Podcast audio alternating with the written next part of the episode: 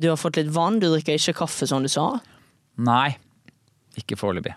Med ditt energinivå så trenger du det kanskje ikke. Nei, jeg, har, jeg husker jeg jobbet i P3 og fikk beskjed om at uh, jeg ikke trengte å drikke kaffe om morgenen.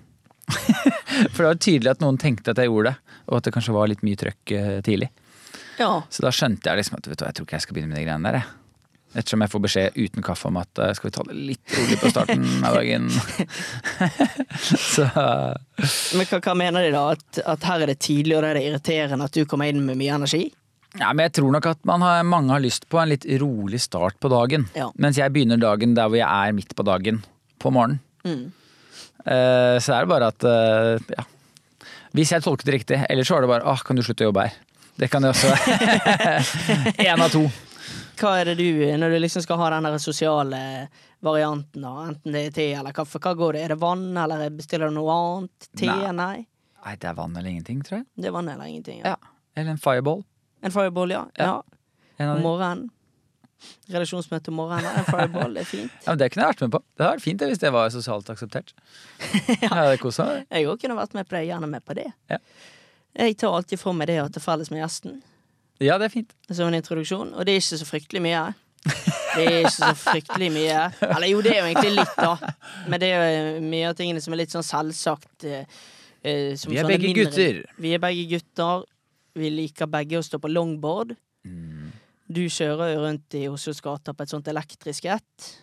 Og det, ja, Hvilken variant er det? Hvilken type er det du kjører på? Du, det er et eh, boosted board, Mini X, for de som er ekstra interessert. Jeg vet hva det er, ja. Rull, runda 35 mil nå.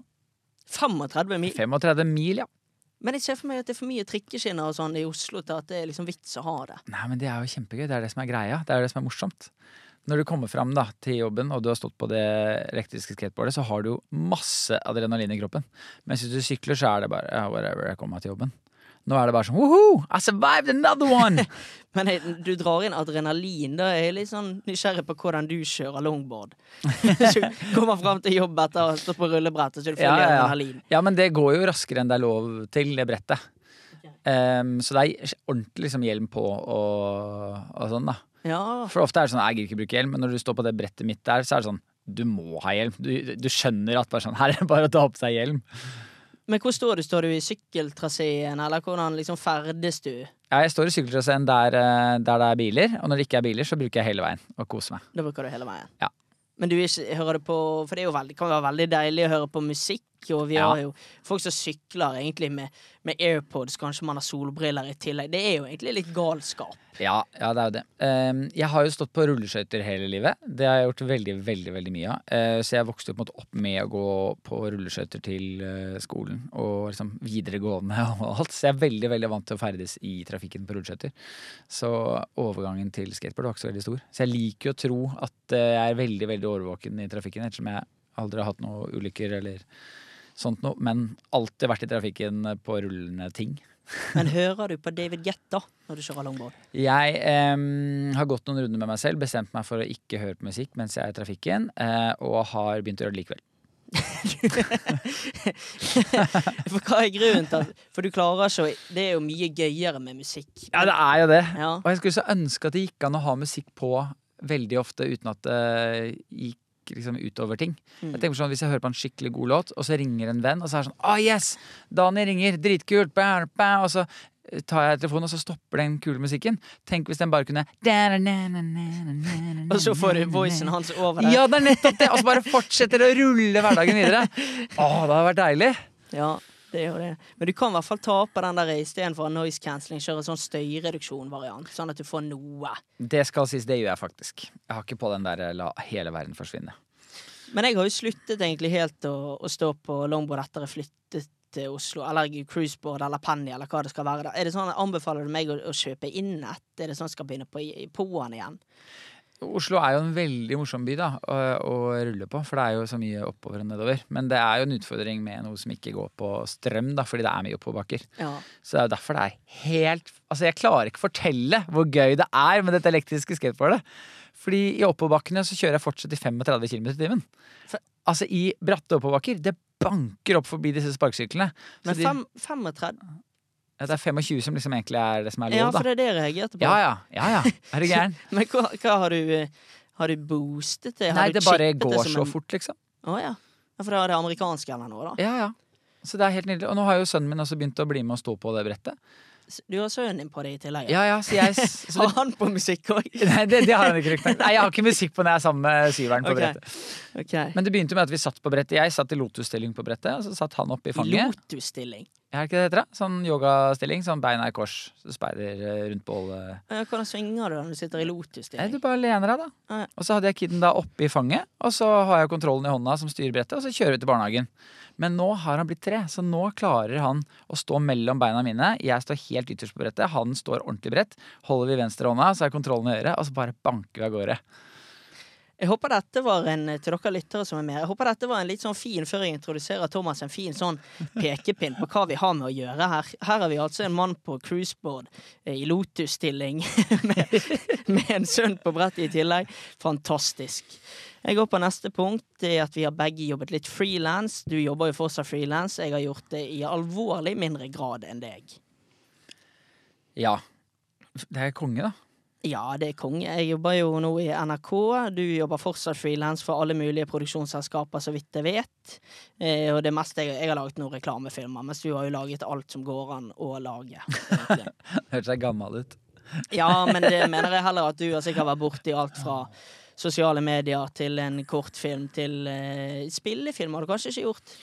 Jeg har holdt meg ganske unna liksom, fiksjonsbiten. Ja. Det var det jeg trodde jeg skulle holde på med da jeg var yngre. Men så skjønte jeg når jeg ble eldre at eh, å, ja, det innebærer jo masse veldig lange eh, bolker med å sitte og skrive. Veldig lange bolker med å prøve å få tak i penger. Mm. Og den biten der eh, drepte meg.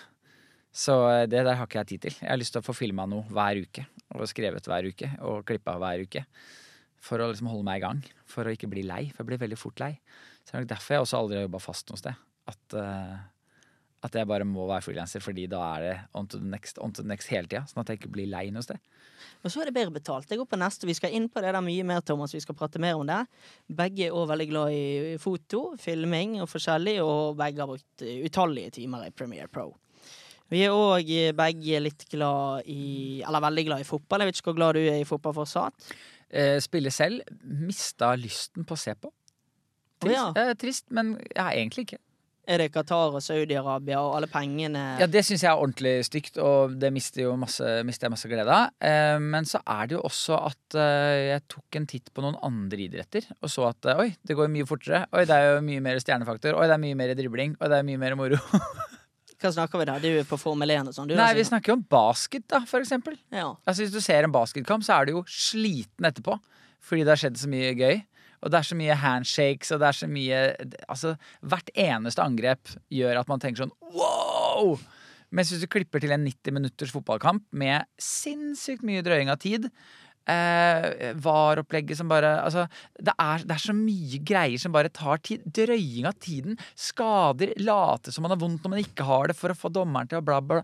Altså, det er så mye tull, liksom. Som er sånn Kom igjen, da! Reis dere opp, rist i gang og kjør. Skal vi ikke bare Det jeg ikke skjønner, er hvorfor man ikke med fotballen bare sier at når ballen går ut, så stopper tida. That's it.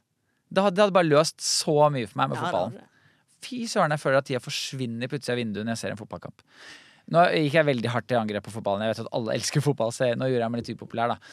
Eh, har sett veldig mye fotball. Føler ikke at jeg får tilbake det jeg ønsker av den tiden jeg bruker på det. For meg så høres det litt ut som at du må ha den der eh, Du må bli underholdt liksom hele veien, akkurat som en TikTok eller en reel i sportsverdenen. ja, jo, ja, kanskje det er det, da. Men så har man jo Jeg har jo fått mindre tid i livet på en måte til å gjøre andre ting enn å Ja, det er flere ting som skjer, og da syns jeg jo det er kjempegøy å ikke bruke tida på å se folk som later som de har skada seg, og drøying av tid. Ja, ja, det får være. Jeg liker jo at det går at Jeg liker jo litt sånn sakte-TV. Litt sånn Ja. Når det Det skal går an å prate underveis, så at det ikke alltid må være noe du må følge med på. Ja, men ikke sant, den biten henger jeg med på. Hvis du sitter med andre mennesker og ser på, Ja. da kan jeg veldig gjerne se en fotballkamp. For da kan man prate om helt andre ting, eller om fotballen mens de ligger og vrir seg og later som det er vondt. Eh, Men eh, hvis man sitter aleine, da føler jeg at bare sånn, å nei, nå skulle jeg gjort noe mer effektivt, eller jeg skulle fått utretta et eller annet. Hvordan reagerer og agerer du på sniking i kø? Og det syns jeg er herlig. Hva jeg tenker om ordet streit. Det forbinder jo det med kjedelig, normal. Var det spørsmålet? ja. Gå nå fuckings to meter til, da. Kan ikke stoppe rett etter en rulletrapp. Vi må få trommevirvel. Ja. Du er ingen streit person. Hvis du sier jeg er streit, da blir jeg forbanna. Du er streit. Lite streit. På besøk så har jeg en Duracell-kanin av de sjeldne. Med det mener jeg ikke at han har seg 40 ganger om dagen, men at han er en karakter proppfull av energi. Jeg har fulgt arbeidet hans en god stund, og ved første øyekast diagnoserte jeg han med ADHD uten å vite om han har det eller ei. Han jobber i det daglige som TV-regissør, hvor han bl.a. har jobbet med Kjendis-VM torsdag kveld fra Nydalen og P3 Gull, som han også vant Gullruten for i kategorien Beste regi én kamera. I tillegg til dette så er han som programleder i Alle mot én på NRK, og kanskje er han òg landets mest allsidige fotograf. Fyren her er en smilende og glad 35 år gammel karakter som i det daglige flyr fra møte til møte på sitt elektriske longboard. Kan også legge til at han er en ivrig fallskjermhopper. Yes, han er egentlig litt for fet, så fet at det nesten bikker over i ufet. Det virker som at han får til alt han prøver på, og for å legge kirsebær på toppen var han barndomsstjerne gjennom rollen Shelly Olsenband jr. Så har han òg selvfølgelig avtjent verneplikten sin som kanskje det vanskeligste, nemlig fallskjermjeger.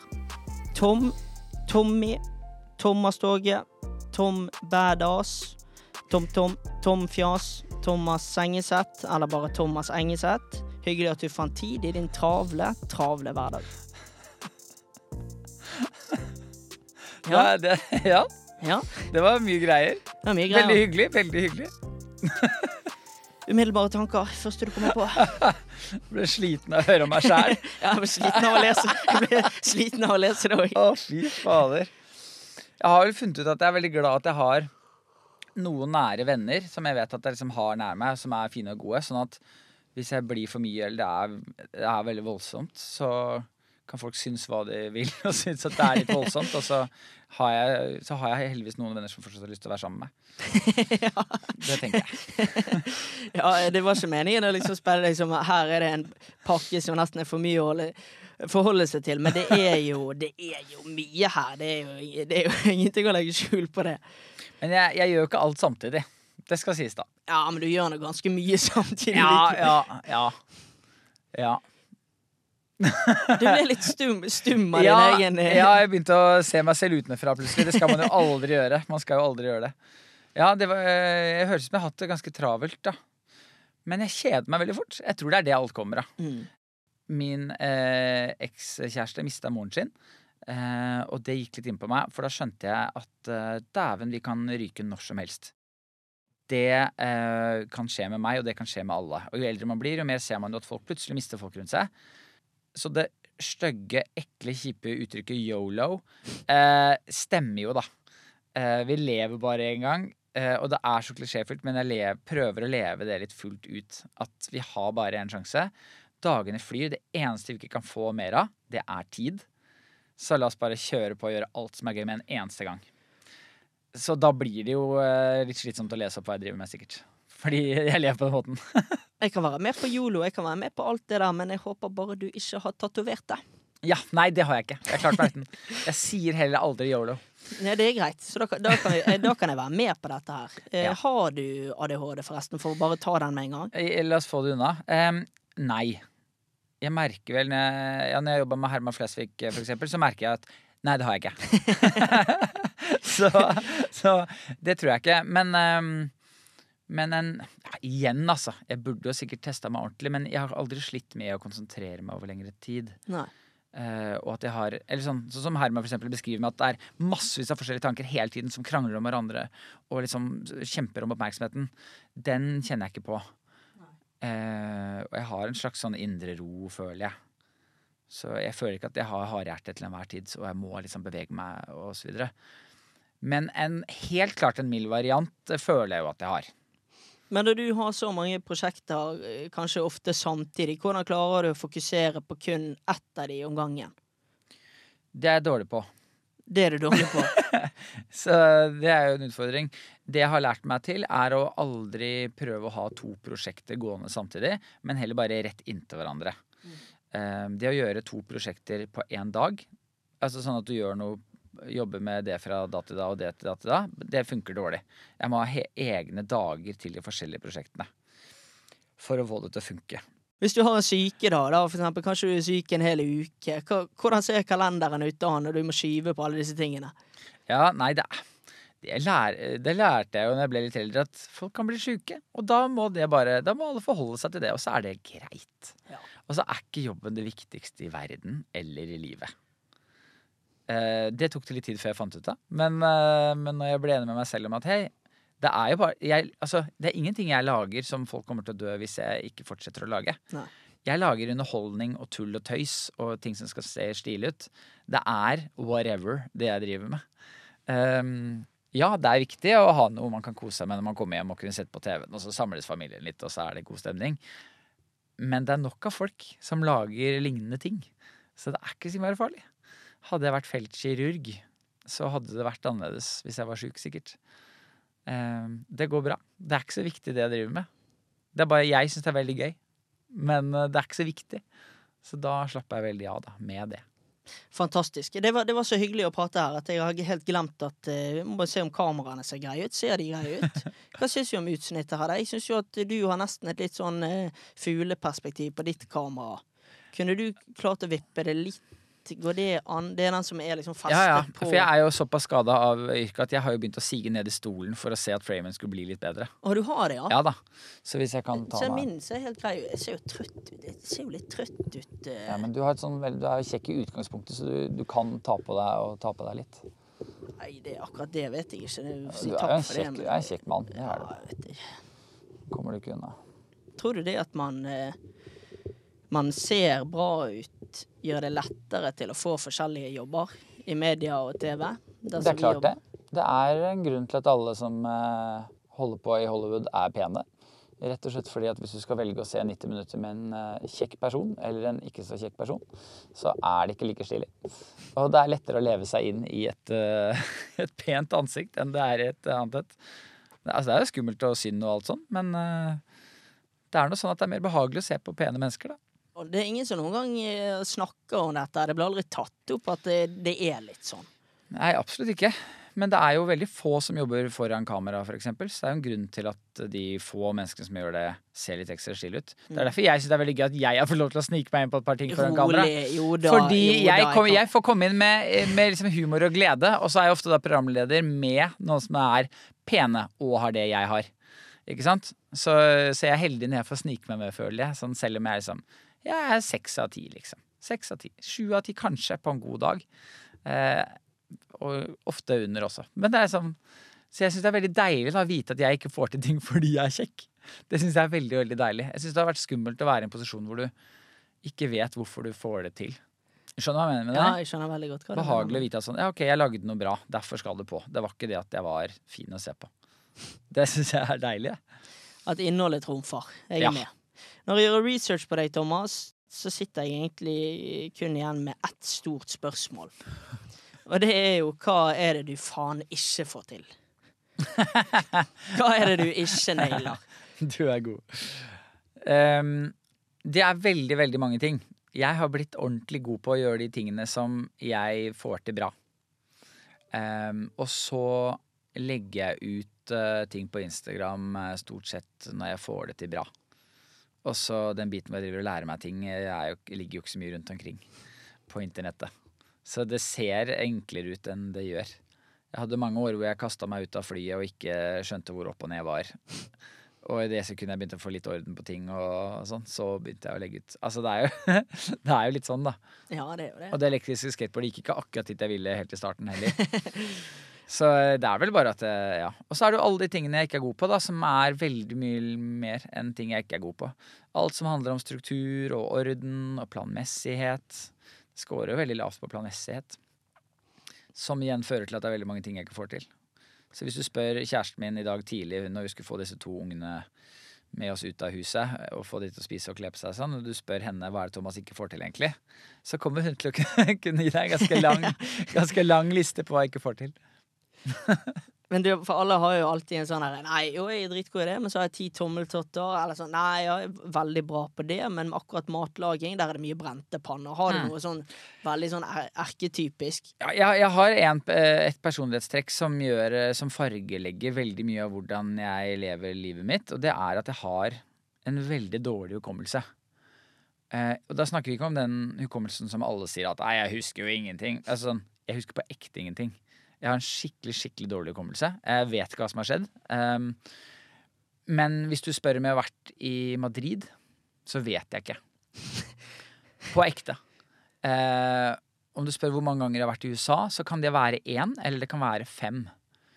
Altså, min, min beste venn, liksom, August, som jeg har jobba masse med, jeg er litt usikker på om jeg skal være forloveren hans i bryllupet hans. Jeg vet, jeg vet ikke om han har spurt meg. Og det er jo ikke så hyggelig. Så jeg måtte, jeg måtte, han kjenner jeg veldig godt, så jeg måtte ringe han og spørre. Ja, Eh, skulle for- det være det, da? Ja, eh, ja, det skulle jeg. Ja, nå ble jeg usikker igjen, da, ikke sant? fordi vi snakker om det. Men det sier litt om hvor dårlig det står til med hukommelsen min. Så det er et eller annet, jeg må ha fått navlestrengen rundt eh, halsen under fødselen, eller fått litt lite oksygen på en eller annen måte. Fordi det er, det er ordentlig heftig, liksom. Eh, som jo gjør at jeg har lagt meg til en måte å leve på som gjør at jeg unngår en god del utfordringer, da. At jeg i alle produksjoner jeg gjør på jobben, har folk som er skikkelig flinke og har stålkontroll på ting og tang.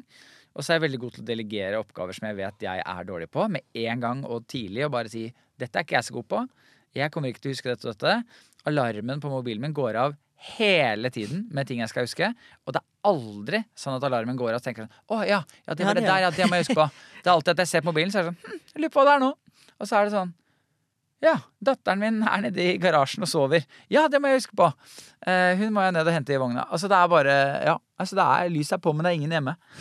Da er det greit at du er god å dokumentere, da, for da kan du sjekke på kamerarull om du har vært i Madrid. Men det er ikke tull, det du sier der. Jeg tror at eh, gleden ved å kunne ta et bilde eller en video og kunne fryse tiden og kunne se tilbake på det, betyr mye mer for meg enn for 99% av andre mennesker.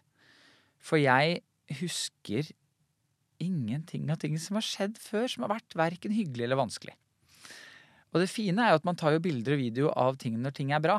Så når jeg ser tilbake på livet, så husker jeg utelukkende bra ting. Jeg husker ingenting som noen gang har skjedd meg som har vært tøft. For du har ikke en timelapse når du ligger der og griner. Nei, altså jeg kan ikke se tilbake på noe som har vært kjipt. Ingen nedturer, ingenting. Det har bare vært en dans på roser. Og så snakker jeg med mamma, så sier hun sånn Hæ, du har jo opplevd masse utfordrende greier. Altså, det har vært masse ting som du har vært skikkelig lei deg for. At du har gått på noe ordentlig liksom, nederlag. Og, men det, og så nevner hun ting, så er jeg sånn ja, den, ja, det skjedde, ja. ja det, ikke sant? Å ja, og det, å ja, det var jo Da var jeg jo ordentlig nede i tre uker. Var jo helt på felgen. Men disse tingene bare forsvinner. Så det er jo veldig deilig. Så jeg blir tvunget til å leve i nuet. Eh, og så lenge mine nærmeste venner vet at det er sånn jeg fungerer, så er de veldig fine med meg og forventer ikke at jeg skal huske ting. Men det er jo trist, da. sånn Innimellom så sårer jeg jo på en måte mennesker litt uten å mene det ved at jeg ikke husker ting som vi har opplevd sammen Ja. som har vært flott. Som jeg, veld- som jeg syns er ordentlig vondt, da. En venn av meg liksom som Jeg sier til han et eller annet sånn jeg fortalte om Det var en sånn Ja, når, jeg eh, tok fallskjermlappen, så var det sånn og sånn. Så sier han til meg Men Thomas, det var jo vi to som tok fallskjermlappen. sammen på Voss. For liksom tre år siden. Eh, og, og da, sekundet han sier det, så husker jo jeg hele den turen og alt opplegget og masse historie. Da har, jeg, da har jeg fått riktig skuff. Så da er jeg med. Men fram til han gir meg den skuffen, så husker jeg ingenting av det. Og det er jo en opplevelse som vi to har med oss for resten av livet. Tydeligvis ikke jeg, da. men, men når jeg scroller tilbake og ser på bildene og videoene fra den opplevelsen her, så var det helt Altså det er en av de største tingene i livet mitt. Sammen med denne kompisen, som jeg da, og så har jeg glemt alt sammen. Så det er, jeg opplever en del sånne ting Ja, når kjæresten har vært på jobb, eh, intervju eller et eller annet, og jeg for guds skyld må huske da for min egen del og for hennes del å si hvordan gikk det i dag.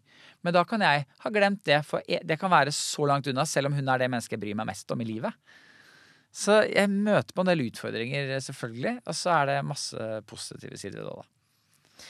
Hør etter. Hør, hør etter. Overgang. Nå vi, pratet vi om at du var bak kamera og dokumenterte. Hør, da. Og eh, nå skal vi gå til den gangen der du ble dokumentert. Yes, jeg skal til Olsenbanen junior. der var du en barndomsstjerne. Og det som er litt vittig, Thomas, det er jo at jeg har sett på deg i hele barndommen, men jeg, jeg visste det ikke. Var ikke klar over det. Hadde jo ikke peiling jeg, på at du spilte Kjell i Olsenbanen juniors første kupp, Olsenbanen junior på rocken, Olsenbanen junior gå under vann, Du var altså Kjell. The big man Kjell. Valborg Kjell. Lei av å prate om dette her, eller går det greit? Jeg har pratet om det hele livet, eh, og har ikke noe problem med det. Men du må jo ha vært ordentlig barndomskjendis. Ja. Ja. Ja. Ja, nei. Det var, Ja, en, veld, det det, var en, veld, det var en veldig annen tid. Det var det jo. Man kunne ikke gå på internett og se mer av oss. Så hvis man så oss på gata, da var gjaldt det å løpe bort. Og, så det ble veldig sånn Det ble veldig voldsomt. Eh, på en annen måte enn det er nå. Jo, du slapp jo unna alt av eh, sosiale medier og promotering på den måten. Der måtte jo man ha sett det for å liksom vite det. Men hva er det du husker best fra den tiden? Olsenbanden-tiden?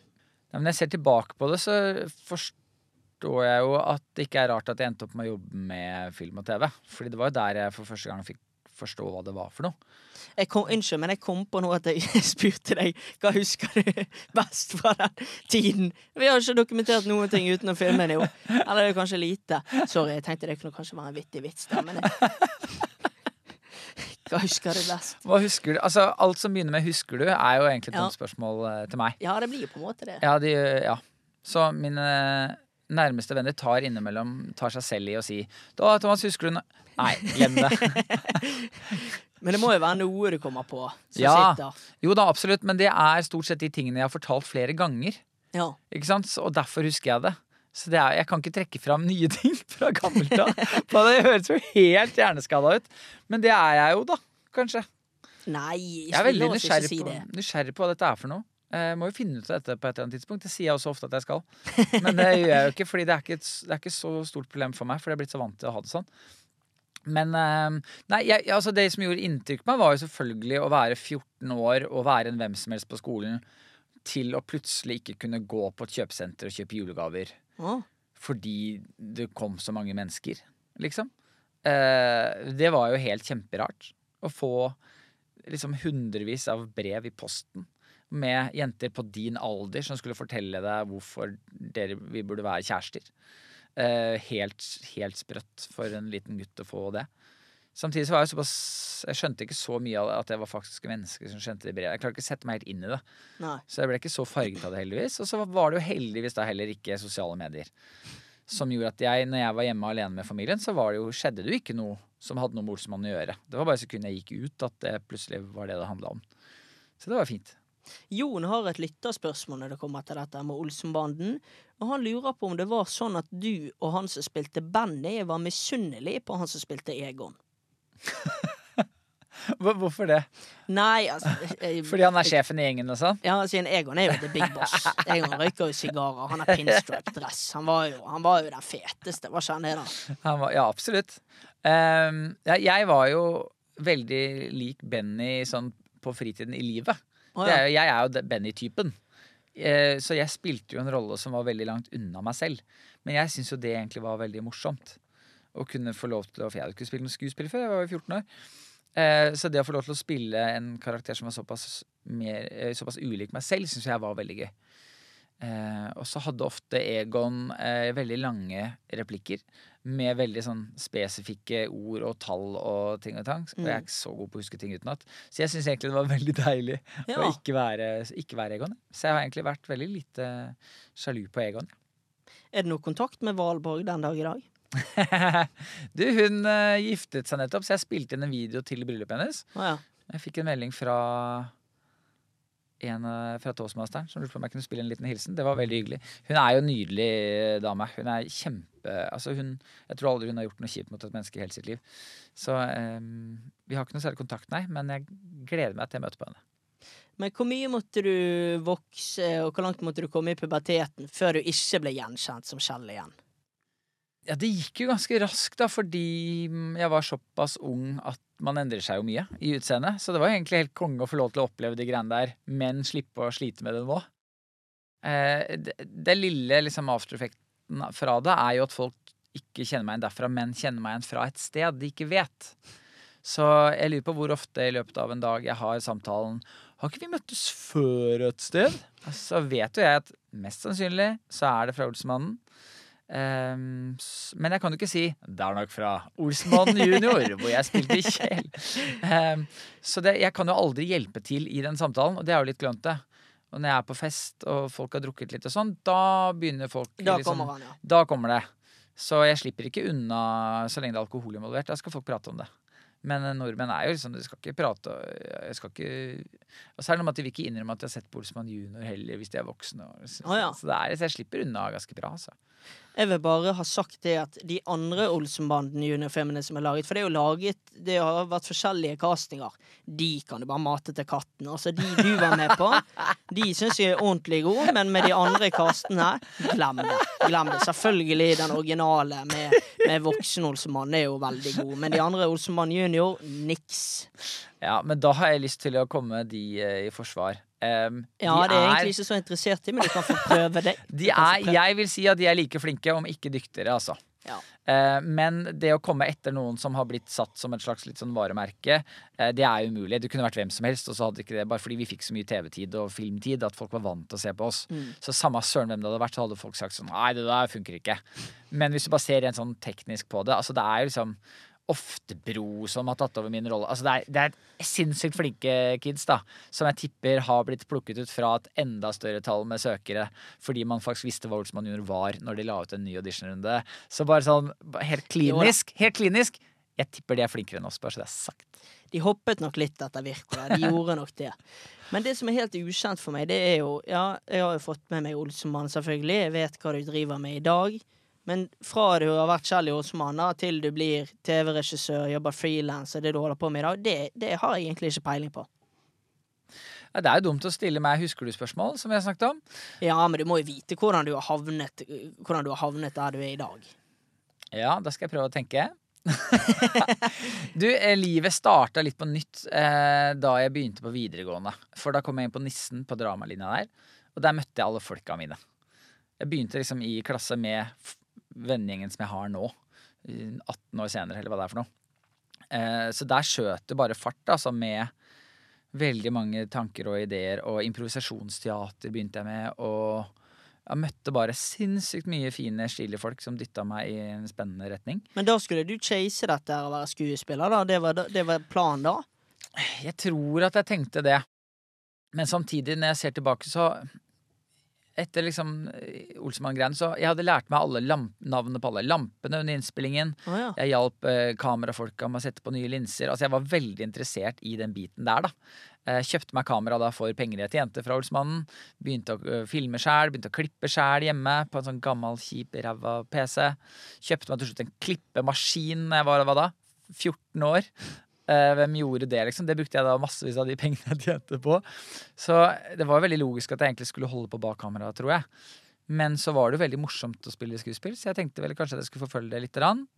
Eh, men det sto jo mellom mediekommunikasjon med klipping og filming og sånn, eller liksom dramalinja. Men jeg var jo veldig glad i, og er jo veldig glad i å leke. Eh, det er jo noe mennesker, voksne mennesker slutter med, og så begynner de å jobbe i stedet. Leking bare blir overført til jobbing. Så jeg er veldig opptatt av å fortsette å leke. Eh, og det å gå på dramalinja, det er leking, ass. Det er det, ja. Du kommer på skolen og vet at de andre eh, klassene har realfag. Nå skal de ha matte XY eller FMB eller hva det nå enn heter. Jeg kan ingenting om vanskelig matte, fordi vi hadde jo nesten ikke matte.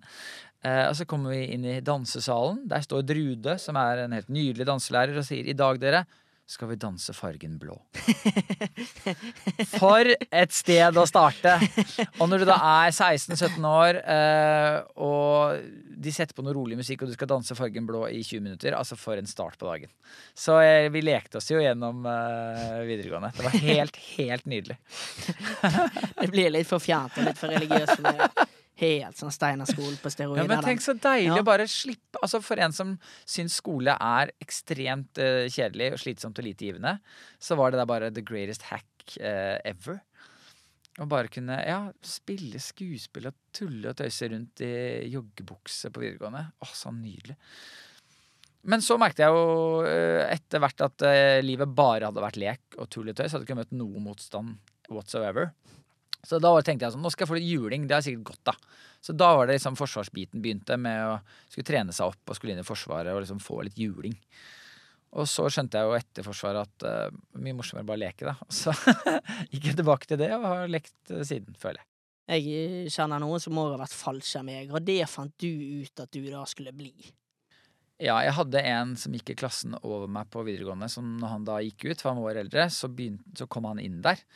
Eh, og jeg husker at han trente til det, og det var veldig sånn myteomspunnet. Og liksom, tenk om han skulle klare å komme der. Så kom han inn. Så jeg følte at det var veldig kult å kjenne en som var der. Så jeg var veldig sånn nysgjerrig på det opplegget siden det var så mye hemmelig. Og så mye sånn. Og så pratet jeg jo da mye med han når han var hjemme i helgene og sånn. Og prøvde å forstå hva det var for noe. og Skjønte litt, men ikke alt. Og sånn. Og så sa han liksom at hvis du er gira, så lærer man veldig mye, og du får litt juling, og det er veldig bra for deg. Og... Der har han blitt hjernevasket med en gang, det hører du. Her har han vært, har han vært inne som fallskjermjeger lite grann. Kommer hjem og prater. Kan ikke si så mye, men du kan lære noe voldsomt mye. Altså. Der kan du lære. Der kan du bli en mann. Ja. Nei, men så, så sa han det at hvis du vil, så kan jeg hjelpe deg litt med treninga til det. For du må være ordentlig klar til eh, det opptaket hvis du skal gå, da. Og så har jeg alltid vært veldig opptatt av sånn Hvis det er noe statistikk hvor det er vanskelig å skulle få det til. da, sånn, ja, fra Olsmann, hvor du visste sånn Ja, det er ca. 3500 barn på audition, og de skal ha disse tre rollene. Det tallet husker jeg veldig godt, fordi det var sånn Å, tenk å kunne klare å få til det. Da ble det veldig sånn målbart. Og veldig, liksom, da liksom ble jeg ekstra motivert, da. Så da jeg fikk høre om disse statistikkene som skulle til for å komme inn da i Forsvaret der, så ble jeg veldig ivrig, da. Og da i tillegg følte jeg kunne få litt sånn inside treningstips og sånn fra han fyren, da ble jeg, ble jeg ordentlig ivrig, da. Altfor over snittet loka treningsfyr mens jeg gikk på dramalinja der.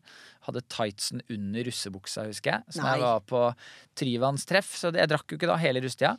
Uh, og når Tryvann stengte, så uh, dro jeg av meg russebuksa, la den i sekken sammen med noe stein. Hadde tightsen under og løp hjem fra Tryvann. Nei, nei. Ja da, sånn holdt jeg på da. da var man motivert. Da var man veldig motivert. Forsvaret er fint. Jeg har vært der sjøl, og du, du, du får deg noe trykk, og det er fint. Det tror jeg alle har godt av. Men vet du hva som er det verste med Forsvaret? Få høre. Det finner du ikke i Forsvaret, men det finner du når forsvarsfolk er dratt ut av leiren. Det er et forspill. Du har seks folk fra Forsvaret der, og så har du fire mennesker som ikke er i Forsvaret. Og når de fire skal prøve å delta i samtaler, og det sitter seks stykker og, og prater om granater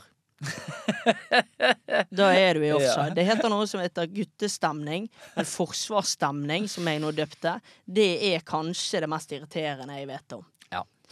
Det er voldsomt. Men så er det jo en gave å få lov til å kunne bade i det et år. Ja, Det å få lov til å ta del i noe som ikke minner om noe man har opplevd resten av livet, og kunne kaste seg inn i det med hele seg, da tenker jeg at det ene året skal du få lov til å snakke om granater og være litt dårlig sosial med andre mennesker, så lenge det er det ene året. Men det fins det, det finnes de som har stått vakt og sikring i, i, på Sørlandet, og tre år etter så, så sitter de og prater om vaktplanen. Ja. De finnes, de òg. Absolutt. Man må klare å legge fra seg Forsvaret når man er enten ferdig der eller jobber yrkesmilitært. Du må klare å skru da. Hvis, Ja. ikke, hvis ikke må man bare Ja, det må man bare. Men det er veldig interessant å se liksom, når man er i Forsvaret, hvor giret man er på å fortelle om det når man kommer hjem. For det er helt ekstremt. Det ligner nesten ingenting annet. De tenker jo at de er med på De tror jo at de står på grensen eh, Russland-Ukraina, og de er jo helt farget av det.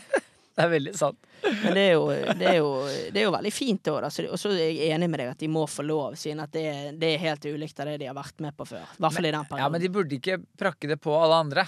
Men liksom, når du først er med andre forsvarsfolk, så skal du få lov til å nøle hardt, liksom. Det syns jeg. Men man må jo prøve å skru på de sosiale antennene, liksom. Men jeg også husker jo når jeg var hjemme på perm i helgen og hadde opplevd sjuke ting, at bare sånn Hvordan skal jeg klare å forholde meg til dette livet? Jeg var jo da så dum, eller slash smart, at jeg i de få permene jeg hadde, eller helgene jeg hadde fri og sånn, satte opp Nissen-revyen. Så jeg var instruktør hjemme i Oslo mens jeg var i Forsvaret. Ah, Eh, Så jeg lå jo liksom i OP inni i skauen og skrev sketsjer i en liten bok med sånn rød lommelykt på. Så det var jo helt idiotisk opplegg. Men, eh, men jeg husker jeg sleit litt med å forstå hvem jeg var når jeg var hjemme i helgen. Det gjorde jeg. Ja, det husker jeg sånn Og så er det jo, du er i en fase hvor du ikke vet hvem du er i utgangspunktet, så hvordan skal du klare å skjønne noe som helst av det da? Så jeg husker at de helgene jeg var hjemme da og skulle rett inn i dans og glitter og musikk og sketsjer og komme rett fra som hoi, hoi, hoi, dusj, dusj. Eh, ja, den syns jeg var vanskelig. absolutt. Absolutt. Jeg tenker vi runder av forsvarsbiten. Det er for mye. Ja, veldig bra. Det, veldig det, smart. det er veldig mye annet eh, vi må prate om, og jeg bare gir deg en liten liste på noen av tingene jeg vet du har jobbet med. En kort liste. Den, er mye lengre sikkert i de to, men dette er noe av det jeg har funnet. Peter i Gull har du jobbet med i flere år. Har du vært, med å lage det? Torsdag kveld fra Nydal, Emil i OL, Underholdningsavdelingen i NRK har du gjort litt forskjellig. Eh, og så har du regissert for Karpe. Og så har du laget nå dette Grenseløse Telemark med Simonitsch og Magnus Midtbø.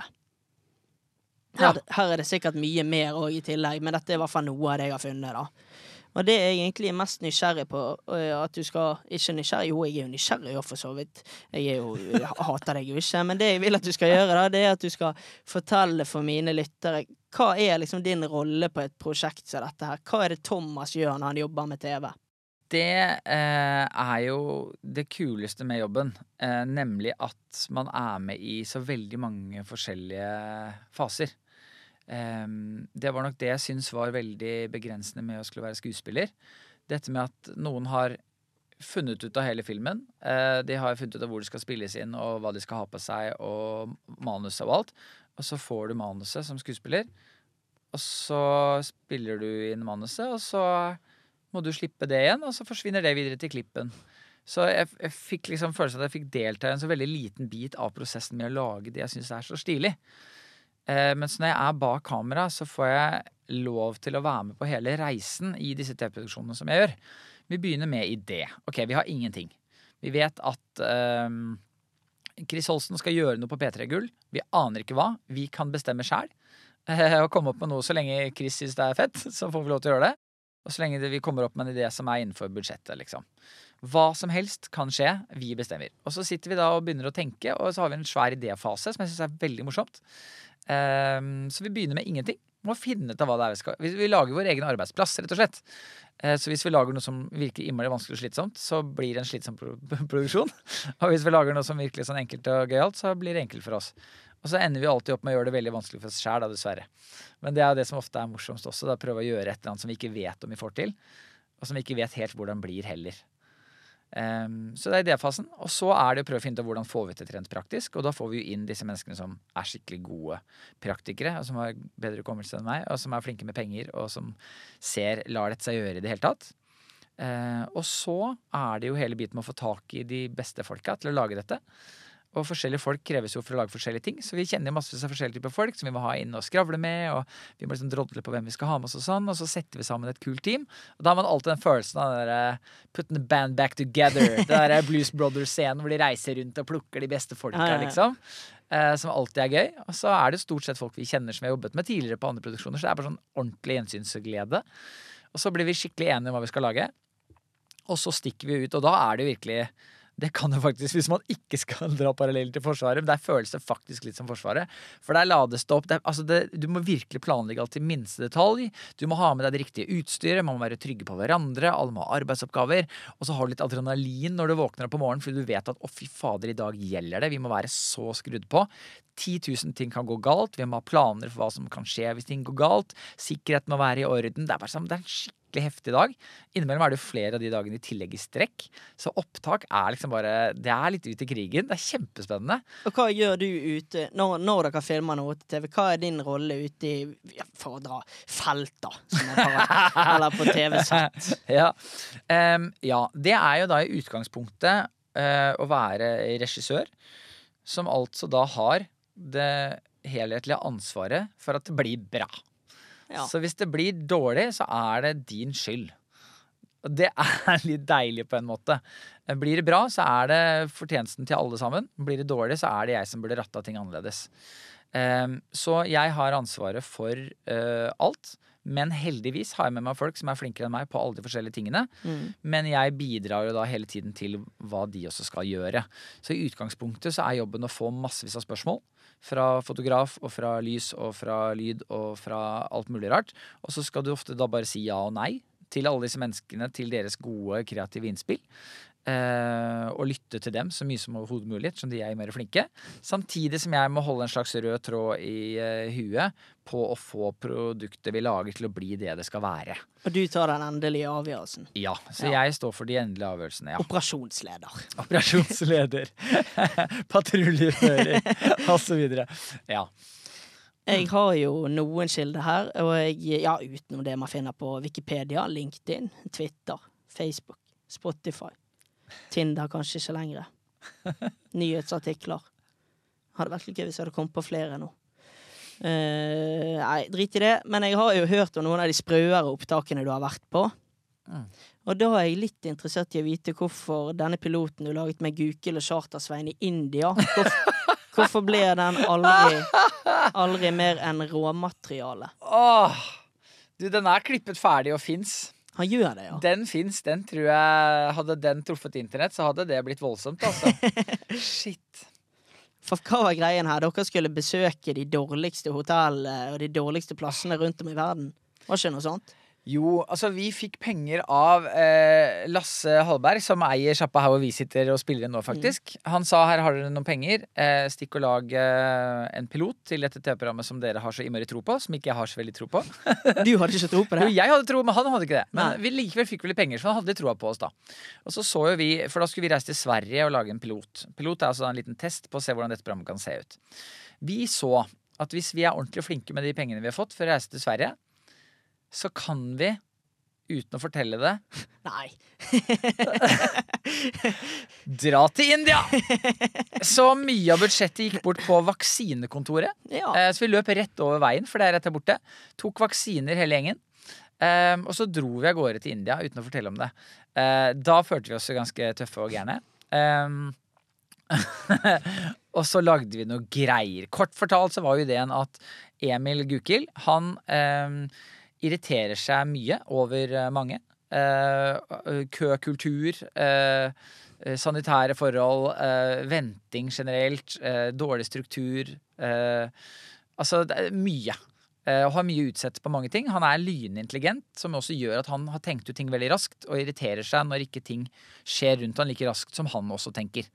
Eh, og tenker vel at eh, mennesker han ikke har møtt enda ikke nødvendigvis er hans nye bestevenner, men mennesker som skal ikke være en veldig stor del av livet hans, for han er på vei fram dit han skal. Eh, og han har sine folk. Mens, eh, og det er jo veldig morsomt da å reise med Emil, for han blir jo frustrert over veldig mye. Og det er jo veldig morsomt. Eh, Samtidig så har du jo da den rake motsetningen til Emil. Det er jo, kom vi fram til, Svein Østvik. Chartersvein. Munnbindbrenneren. Munnbindbrenneren. Ja, men la oss nå glemme den Nei, la oss glemme det. Ja, ja. Den var ufin. Men faktisk i etterkant også, la oss nå være igjennom at den debatten om hvor eh, bra munnbind var Ja, Ja. ikke sant? Så et, altså, når det sto på, så fikk Svein mye pes, men i ettertid ja, Altså, ja. La, men ja, Ja, uansett, uansett det er lang, lang debatt, da. Men man skulle nå bruke det munnbindet, men samme det. Eh, I hvert fall, Svein er jo en helt spesiell person. Uh, han tenker at alle nye mennesker han møter, er potensielle bestevenner. Uh, og han gir så mye av seg selv til enhver tid. Uh, han er en fantastisk fyr. Uh, og matchen mellom Emil Gukild og Svein, den ser jo ikke ut i måneskinn. Eh, eh, Hva legger du i det? Nei, altså, Emil eh, kan jo bli veldig raskt sliten av eh, Svein. Men Svein blir jo aldri sliten av noen. Så vi syns jo det var en veldig morsom dynamikk. Så det å da ta med Emil og Svein til de verste stedene i verden var da ideen. For å se dette bare utspille seg. så vi kalte denne tenkte serien for To gode uvenner. Ja, Eh, og tenkte å sende dem til de verste stedene som fantes. Eh, så piloten gikk jo da selvfølgelig til de mest lugubre stedene i India. De stedene du virkelig ikke har lyst til å dra. Steder hvor sanitære forhold ikke er på plass, eh, hvor maten må holdes langt unna for at du ikke skal bli dårlig, osv. osv. Vi kom jo da til India med et budsjett på eh, to døgn. Altså Vi kunne være i India i to døgn, så vi fløy til India, var der i 48 timer og fløy hjem igjen. Nei. Eh, Så vi måtte være effektive når vi var der nede. Eh, Vi hadde ikke tid til å bli dårlige, vi i crewet. Det var bare jeg og August, en annen kompis av meg. Vi var de eneste bak kamera. Eh, Så vi filma begge to ratta på. Spiste bare brød og ris og drakk vann for å ikke bli dårlig. Ah, ja. For vi hadde jo ikke tid til å bli dårlig. Mens vi ville jo at Emil og Svein skulle bli dårlig. Så vi dro jo vi begynner, ganske tidlig på turen, så drar vi da til et sted hvor vi skjønner at hvis du spiser her, så går det gærent. Um, og de kasta innpå på det stedet der. Svein syntes selvfølgelig at det var kjempegodt. Uh, Emil syntes det var helt grusomt. Uh, og så begynte det å gå ganske raskt uh, dårlig med magene til disse karene. Uh, og da lette jo jeg selvfølgelig etter det kjipeste toalettet i India. ja. Eh, Det var da et kommunalt et kommunalt eh, toalett som ikke ligna grisen. Det begynner med at når vi lukker opp døra inn der Selvfølgelig, stanken er jo helt utholdelig, det sier seg selv, på en måte. Men det begynte jo med at vi skjønte at her inne bor det hunder. Altså, det bodde hunder inne på det toalettet. Um, og det var eh, ikke noe dopapir der. Det fant jo de ut etter at de hadde satt i gang. Det var jo bare et sånn hull, selvfølgelig, nede i eh, bakken inne der, eh, med noen fliser som aldri hadde blitt vaska. Ehm, og det var ingen som hadde truffet den doskåla nede på bakken før dem, for å si det sånn. Så det, var, det bare å være der inne var en, var en uh, opplevelse. Og når du da i tillegg har uh, rennaræv, sånn som de to gutta hadde, og de samtidig sto inne på hver sin bås inntil hverandre og kjempet om det lille dopapiret jeg ga dem, for de fikk jo selvfølgelig ikke nok. Eh, jeg gjorde alt for at Emil skulle bli så misfornøyd som overhodet mulig, for da ble det veldig gøy å se på. Eh, Svein lo jo av det hele, det gjorde ikke Emil. Og det er liksom 43 varmegrader. Eh, så jeg har noen klipp fra inne på det toalettet som aldri må nå internett. Og er det kanskje grunnen til at det aldri ble heller en Altså ble det for mye, rett og slett? Hva, ble, hva var liksom svaret fra de som spyttet inn pengene? Ja, si det. Vi viste jo denne piloten som vi da hadde laget. Vi var ganske stolte av den. Eh, vi fikk nei. De sa at eh, at eh, Magnus Devold skulle på med et reiseprogram hvor han kjører meg til OL. At det skulle på samtidig, og at det liksom var reiseprogram allerede. At det ikke passa med to reiseprogrammer samtidig. At det var derfor det ikke passa. Jeg tror nok ikke det var hele sannheten. Jeg tror de ville være litt snille med oss. Eh, kan nok hende at det ble litt for voldsomt. Eh, og ettersom vi bare hadde to dager nede i India, så måtte vi jo bare vi måtte jo kaste de inn i veldig mange voldsomme situasjoner, heller enn å bare la det utspille seg fritt over en uke. Så vi sleit jo litt med å få vist hvordan dette TV-programmet kom til å se ut i en vanlig episode, og ikke i en pilotepisode. Men de minnene lever for alltid, altså. De minnene lever for alltid. Kanskje får vi se det en dag. Hvem vet? Du kan få se det. Jeg kan sende deg en skjult link. Og det var gøy. Ja. Steike hva vi prater. Vi har jo, jeg skal jo egentlig fortelle deg hva vi skal gjennom i dag. Vi skal jo gjennom litt forskjellige ting som jeg alltid må gjennom, og jeg kan bare kort og greit gå på det. Vi skal eh, prate litt om hvordan du har det. Vi skal på rød eller grønn bølge. Vi har eh, Let us get to know ya. Jeg har skrevet til mange fordommer om deg, der du skal bekrefte og avkrefte de, så går vi kjapt igjennom. Eh, vi skal ringe CP.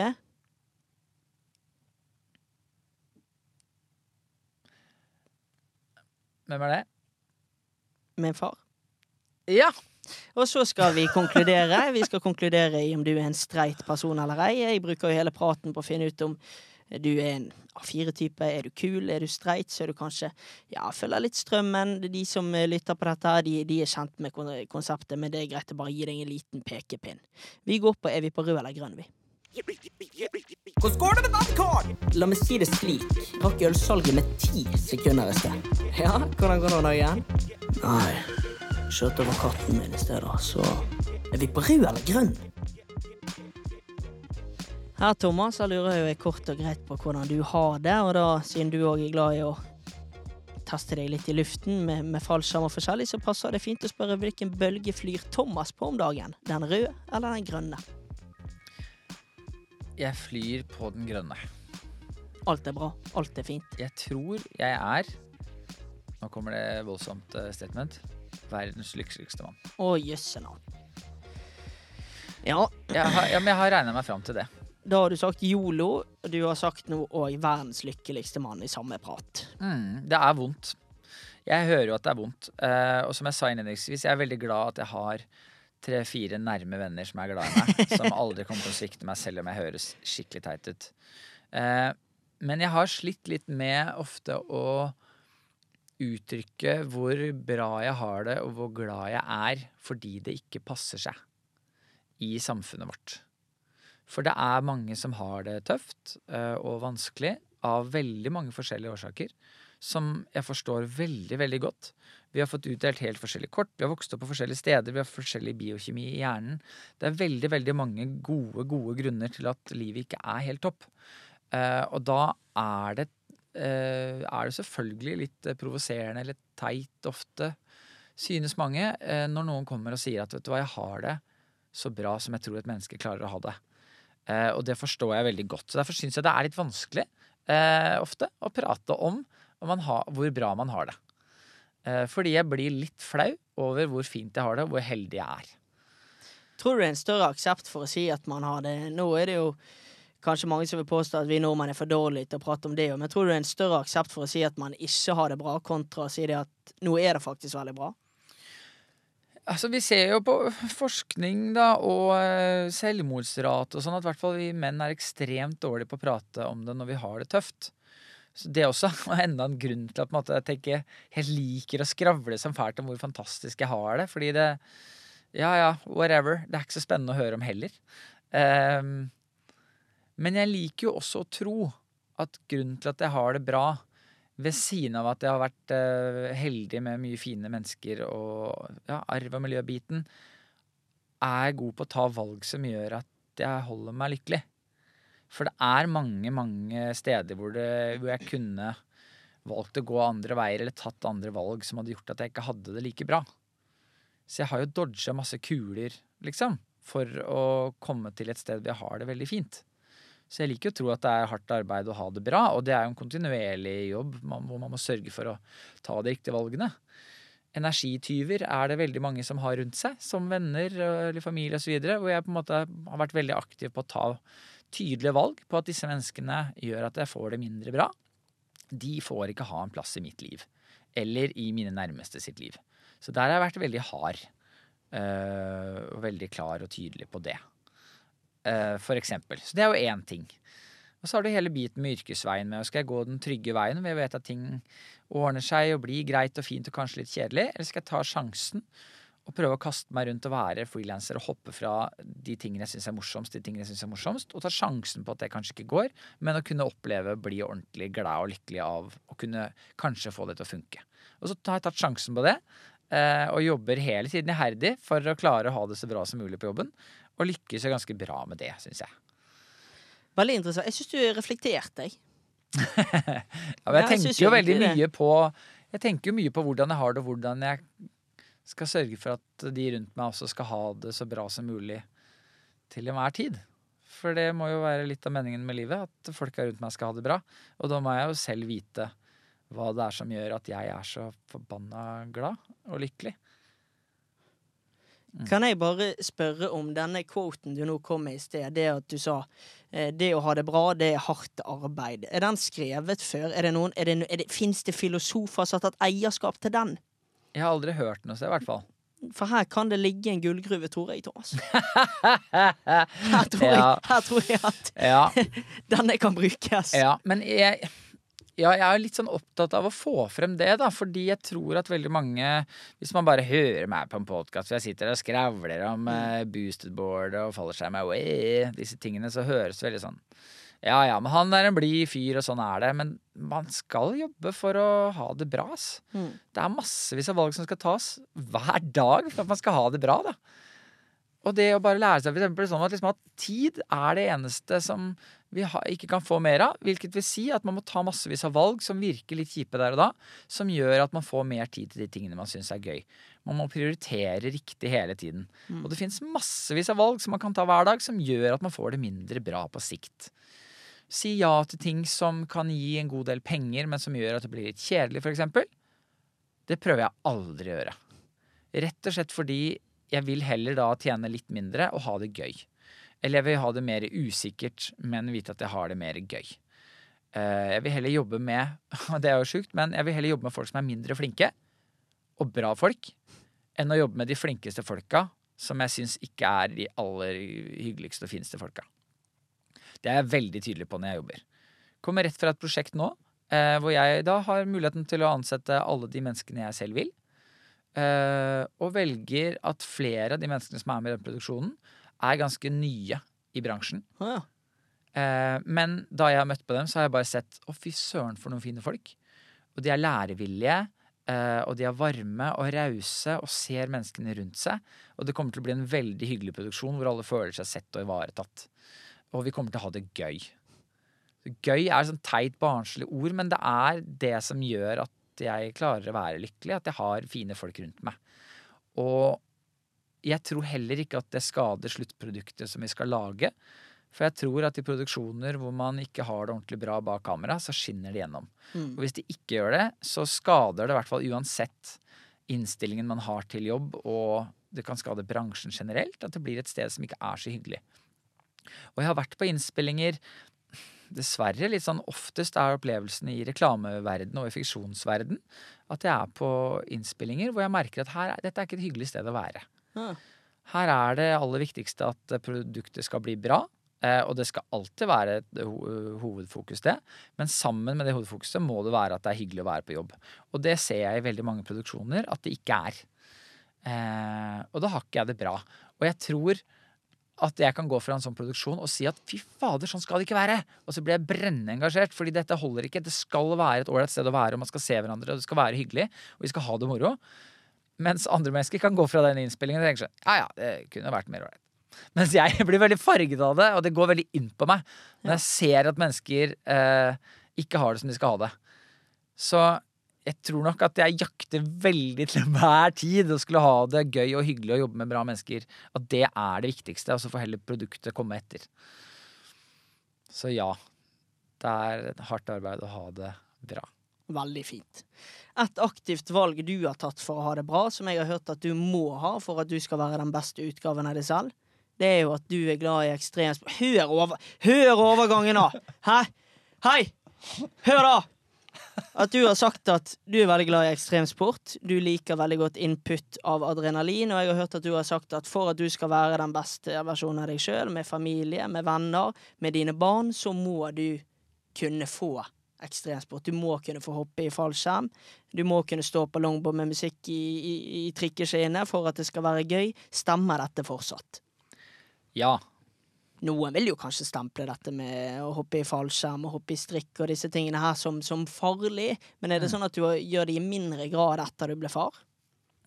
Ja, dette er jo et vanskelig tema, dette med risiko og eh, barn.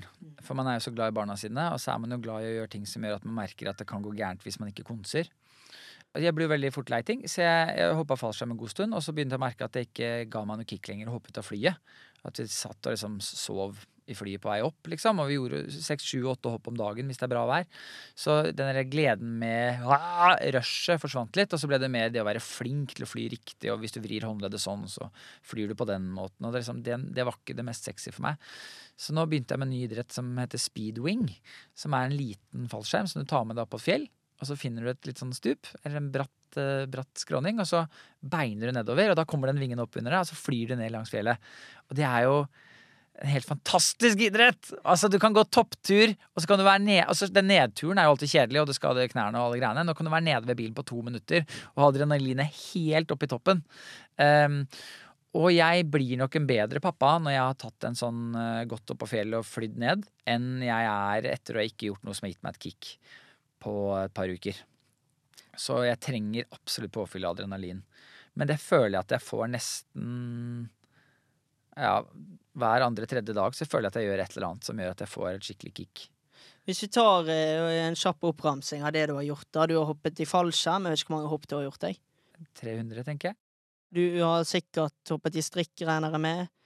Eh, basehopp, har du gjort det? ja. Eh, og vingedrakt eh, og sånn. Men jeg merket jo at eh, basehopp begynte å presse Det er det som er problemet med, ekstremsport, er jo at det baller på seg. Og så har man lyst til å gjøre det som er litt skumlere enn det man har gjort. Mm. Og så blir det skumlere og skumlere og morsommere og morsommere. Eh, og jo skumlere det er, jo morsommere er det. Så jeg hadde veldig lyst til å prøve å hoppe base.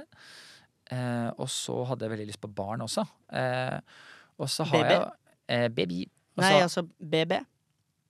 Basehopp og barn? Nettopp, stemmer. Mm. Og så har jeg jo hatt et par eh, bekjente som dessverre har mista livet. Um, når de har hoppa base. Og da Det ødelegger jo selvfølgelig litt av moroa. Um, men jeg hadde veldig lyst til å vite hva det var for noe. Så når jeg møtte kjæresten min, så sa jeg til henne at uh, vi var veldig enige om at vi hadde lyst på barn veldig raskt.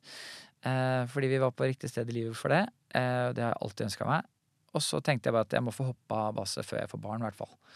Og ettersom jeg liksom, ja, kjenner fine folk som har daua av det, så blir man litt sånn eh, kanskje jeg ikke skal holde på med det. Selv om det jeg kjenner også veldig mange fine folk som hopper base veldig regelmessig, og som er ekstremt profesjonelle, og som kommer til å leve lange liv.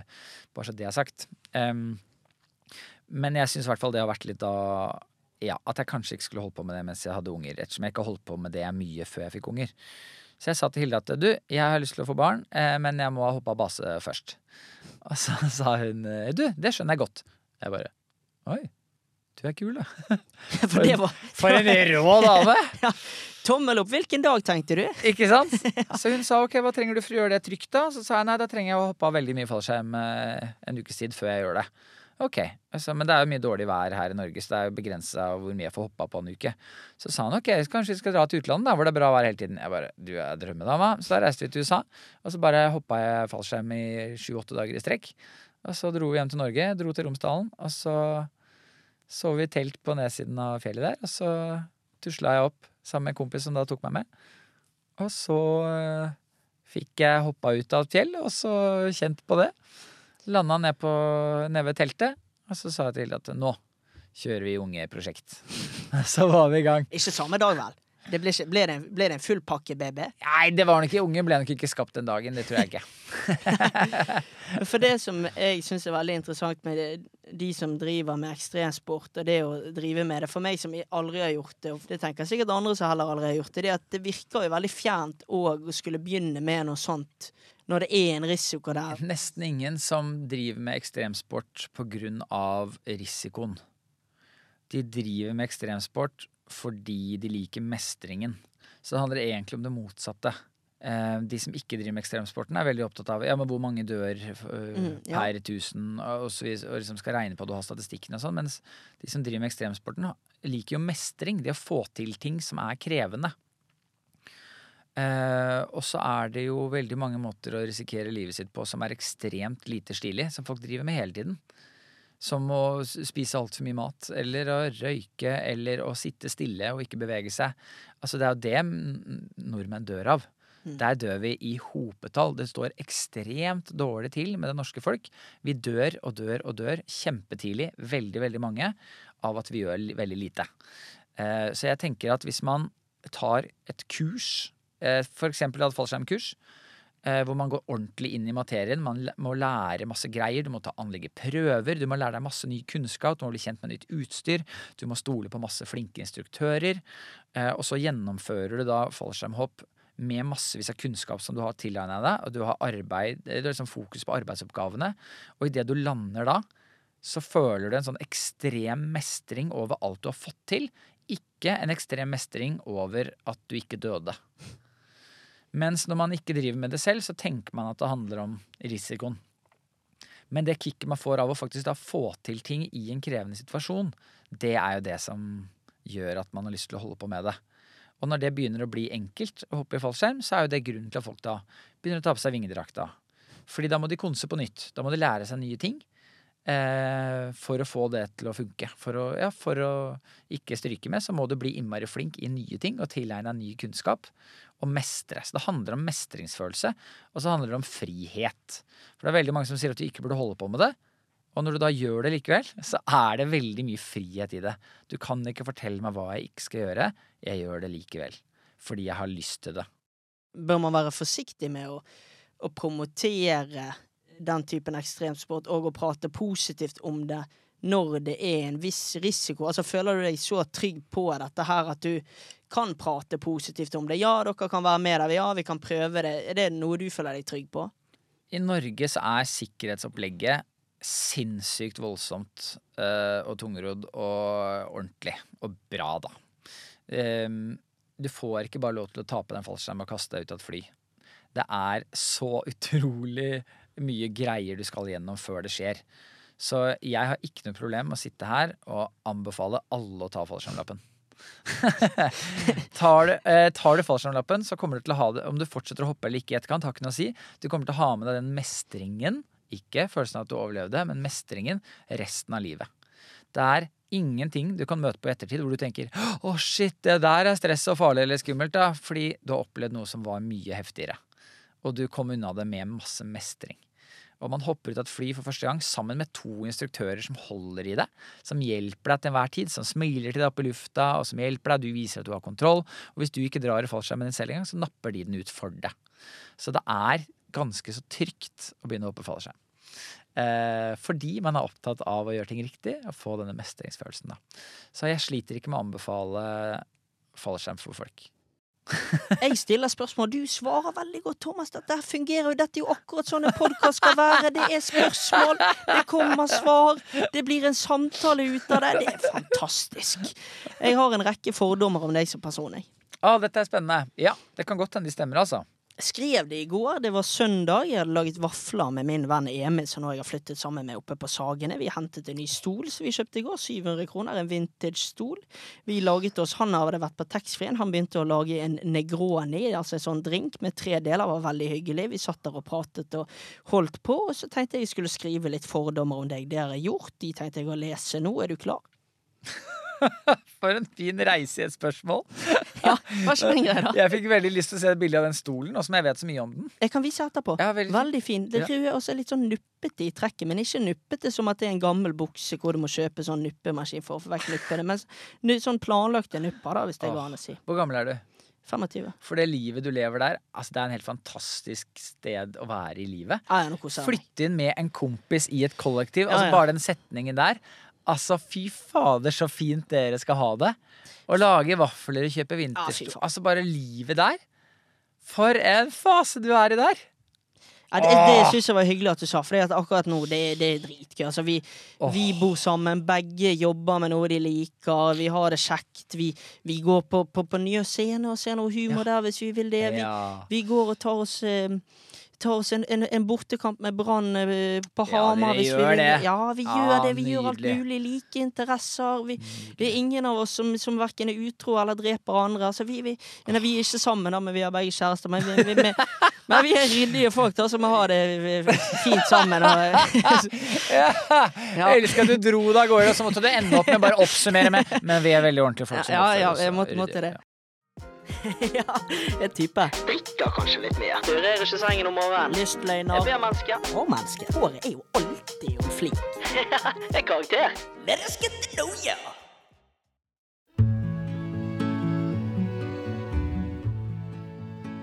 Thomas han er veldig glad i oppmerksomhet. Han er det. Det er noe han simpelthen må ha. Han klarer seg ikke uten. Og dette er jo grunnen til at han daglig overrasker sin kjære som kommer hjem fra jobb med et kostyme fra Nintendo-universet. På torsdag var han Donkey Kong, og forrige fredag var han Yoshi.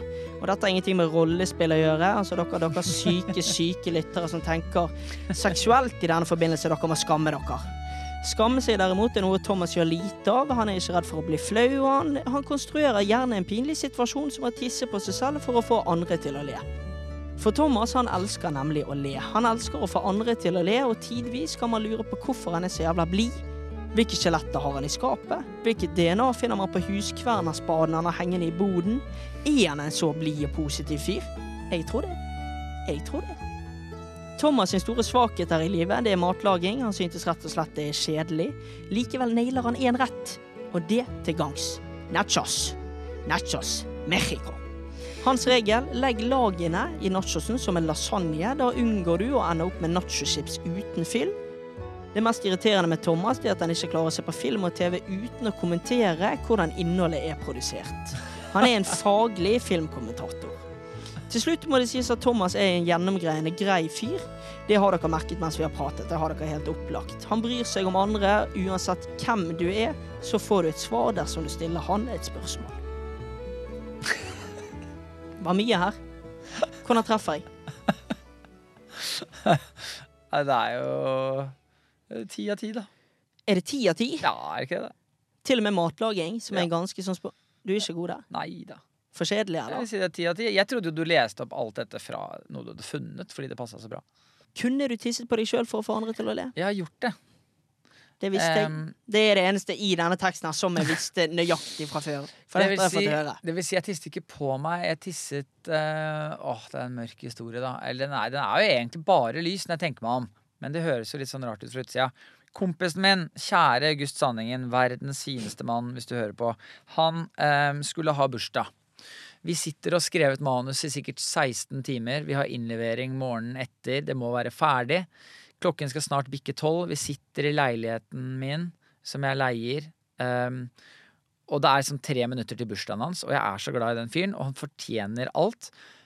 Men så har jeg ikke noe gave, og vi er liksom midt oppi jobbinga, og vi er begge dritslitne. Og så syns jeg det er så trist å skulle tenke på at han skal være sammen med meg når han har bursdag, og dette er en bursdag han ikke kommer til å huske.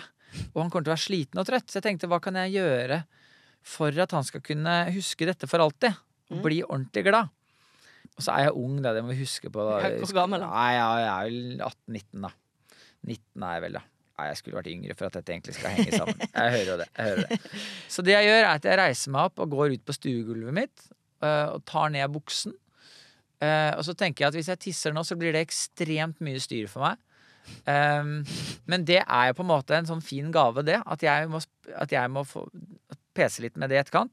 Og så vet jeg jo at August kommer til å sette pris på det, tror jeg. Eh, så jeg bare ser på han, og så tisser jeg på gulvet på stua.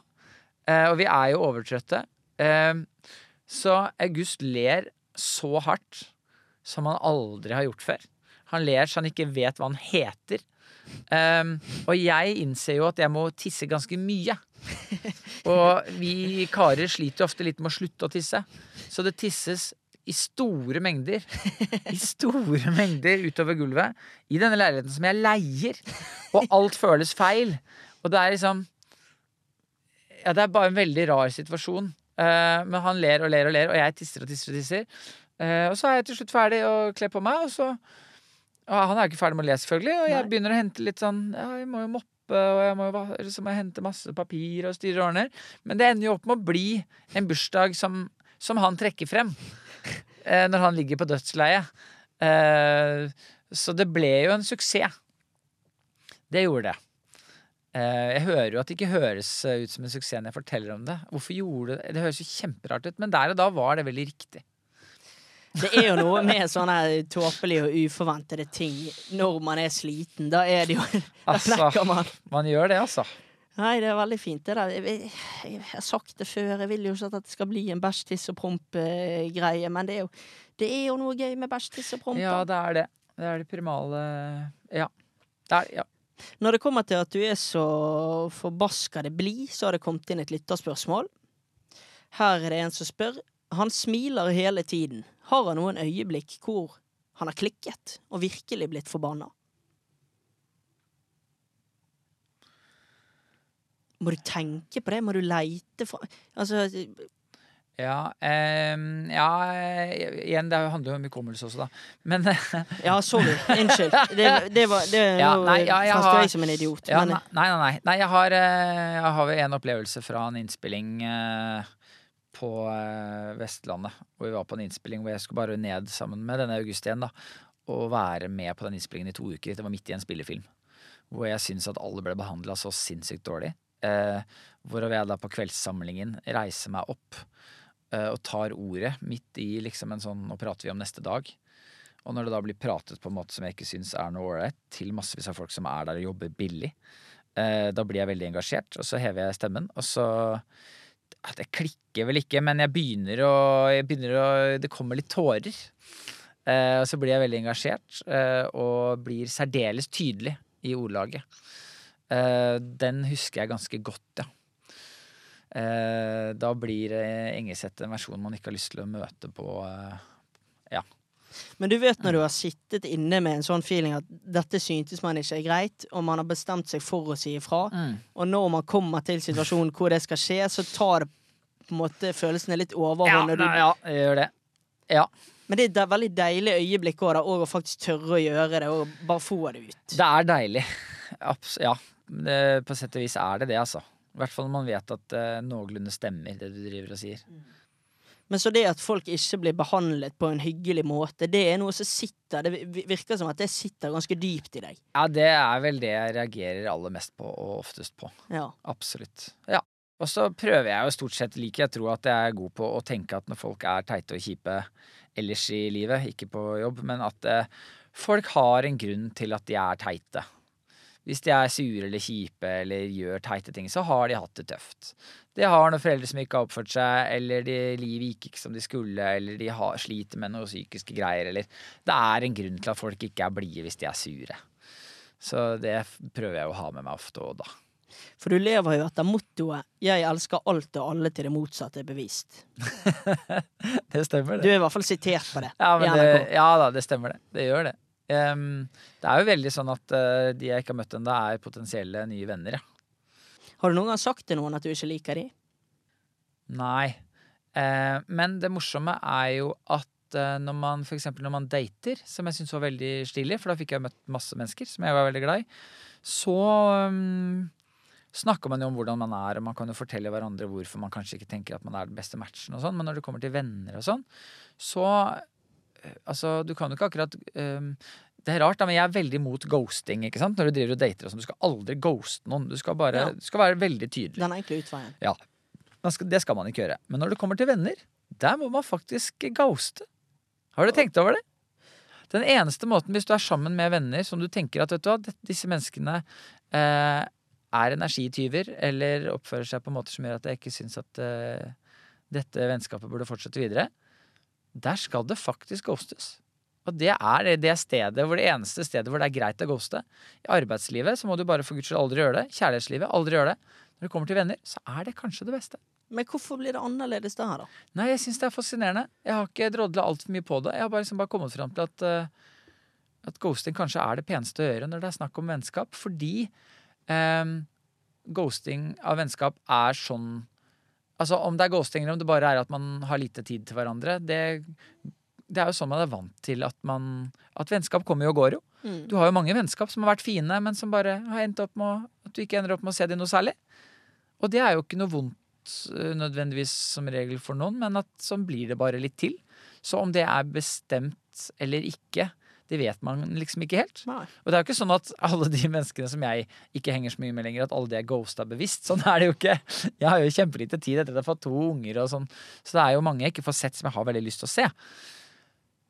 Men en logisk, vanlig måte at vennskap eh, kommer og går på, er jo at man ikke har helt tid til hverandre, rett og slett. Og så blir det sånn. Så det å da gjøre det litt med vilje, hvis man faktisk mener, har kommet fram til at man burde gjøre noe, gjør det. Ikke er så gærent, fordi det er sånn man er vant til at det forekommer. Men det ofteste scenarioet er vel at folk du, har jo, du er jo, virker jo som at du er litt bevisst rundt eh, den tankegangen der, men det vanligste må vel være at folk ghoster på en naturlig måte, hvis det er meningen. At det bare, at det bare glir inn i en sånn naturlig overgang. Det var vanskelig å forklare det her, men det er jo nettopp det jeg mener. At det er jo det som Ja. pleier å skje. Så når man først da har noen venner som man kanskje tenker at ah, jeg tror kanskje ikke vi skal fortsette å være helt venner, jeg, fordi vi kanskje har vokst litt fra hverandre. Men det, for det sånn. blir jo ikke nødvendig å si. Nei, det er nettopp det! Ja. Man trenger ikke si sånn, vet du hva, nå slår jeg opp dette vennskapet. Jeg tror ghosting er det riktige å gjøre når det kommer til venner og Ja. Så blir det jo litt Er du enig? Ja, jeg er veldig enig, for det blir jo litt annerledes når du har, når du har fått deg kjæreste, da, så kan du på en måte ikke fortsette å prate med en, en to år gammel so Da Der må du på en måte sette rammene litt. Ja, det er egentlig ikke helt greit at vi kjører stående 69 neste uke, for nå, har det, nå, skjønner, du- skjønner du at det har så nemlig sånn nå at, at det, det er litt ting som går i veien for akkurat det. Jeg, mer jeg merker at du er 25 og jeg er 35 når du sier stående 69. Jeg hadde fordi- egentlig ikke tenkt å si det. Jeg tenkte skal jeg tørre, skal jeg gå på den? for det, for det er jo sånne ting man har gitt seg med når man er 35. Det er Jeg vil bare mye ha det tydelig frem at jeg ikke er stående 60 Faen at vi har Ja, nå er du fanget, altså. Ja, nå angrer jeg på at jeg sa det, men, men hvor um, Hvor var vi?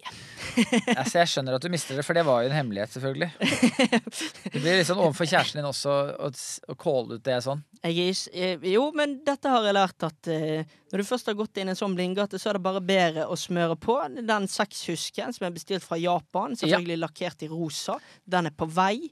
Uh, jeg har jo Noen har jo mancave, jeg har jo da en sånn sex dungeon. Uh, nei, jeg vet ikke. Nei, det var ikke så tidig heller. Det ble bare rør.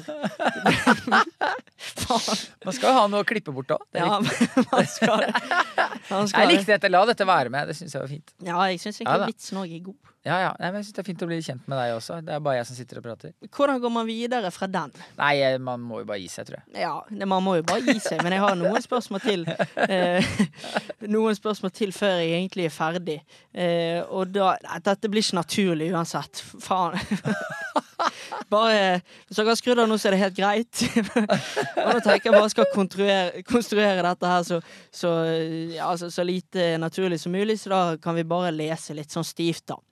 For selv så skal jeg ofte være han småfreidige og vittige, og det passer seg ikke alltid. Har du noen gang brent deg på at du har vært for blid og tullete i en situasjon hvor det ikke har egnet seg? Spørsmålstegn. Jeg kjenner absolutt på at jeg må dempe energien og gleden jeg har i kroppen. Mm. Det gjør jeg hver dag. Eh, Det er særdeles ofte jeg kommer inn i et rom og er så forbanna glad og skjønner at her må jeg roe meg ned. Ja. Eh, Det har også vært en grunn til at jeg ikke drikker kaffe. Eh, At jeg, må, jeg må prøve å treffe rommet, for jeg har jo sosial intelligens. Jeg har ganske lav IQ, tror jeg. Og så har jeg ganske høy EQ, tror jeg. Eh, Så jeg er jo heldigvis ikke helt ute å kjøre på de greiene der. Men jeg syns jo det er synd å måtte legge lokk på eh, gleden og energien. Ja, for syns du det er ubehagelig at du ikke kan være deg sjøl altså, fullt ut? Nei, men med venner så kan jeg det, så da får jeg blåst meg ut der. Og så kan jeg prøve å ta det litt mer ro på jobben, da. Ja. Eh, men jeg har jo det er, Men tilpasser seg alle seg da i arbeidslivet? Jo da, alle absolutt. det. Men det var litt sånn jeg møtte Jan Fredrik Karlsen, som jo også er, som er fallskjermhopper, da, ikke sant? Og som er sånn kjent for på TV å være veldig utadvendt. Han må grine mye når han er hjemme alene. Ikke- Jeg kan ikke skjønne, jeg kan ikke skjønne Men han er jo ekstremt glad på TV-en, og jeg husker jeg syns det var så deilig å se at det var en som bare turte å være så glad som han var. Mm. Og da mener jeg ikke at alle er så glade, ikke sant? men at det er en som, når han er så glad, tør å være så glad som han er. Eh, når man jo vet at veldig mange mennesker er sånn Å, herregud, han altså, Folk begynner å skravle om at liksom han gjør seg til, eller jeg syns han skal dempe seg sånn. Nei, søren, det er så deilig at du bare er den du er, og tør å leve det ut. Det syns jeg er skikkelig deilig. Så, så han har på en måte vært sånn det er deilig for meg å se at det er lov til å være så blid og glad som han er. Eh, for opple opp, opp, liksom opplevd ofte i oppveksten Jeg sitter og sett på han på TV, og folk er sånn 'herregud, nå må han roe seg ned'. Og så ble jeg sånn Nei, søren, heller, syns jeg ikke. Han skal få lov til å være nøyaktig den han er, og han er super. Han er flott. Han er mye, og han er eh, veldig, veldig glad, og det syns jeg han skal få lov til å være. Og så har jeg møtt han da i eventsammenhenger og sånn, og jobbet med han. Jeg opplever han bare som verdens fineste fyr, altså. For et deilig menneske å være rundt. Men så kan jeg forstå at andre mennesker syns at det blir mye. men det, og det tenker jo sikkert folk om meg også. Eh, men det skal de få lov til å gjøre. Og så får vi som har litt ekstra mye trøkk innabords, eh, prøve å dempe oss litt når det kreves. Men vi må jo få lov til å gønne på når vi kjenner det. Jeg tror vi skal ta og ringe CP. På tide. Vi skal ringe min far, den berømte, beryktede CP. CP! CP, hører du meg? Ja, jeg hører deg godt. Du kan ikke gå på den. Du klarer å lure meg hver eneste gang. Nå slutter du med det. Ja, jeg skal det. Der har en Det er fader.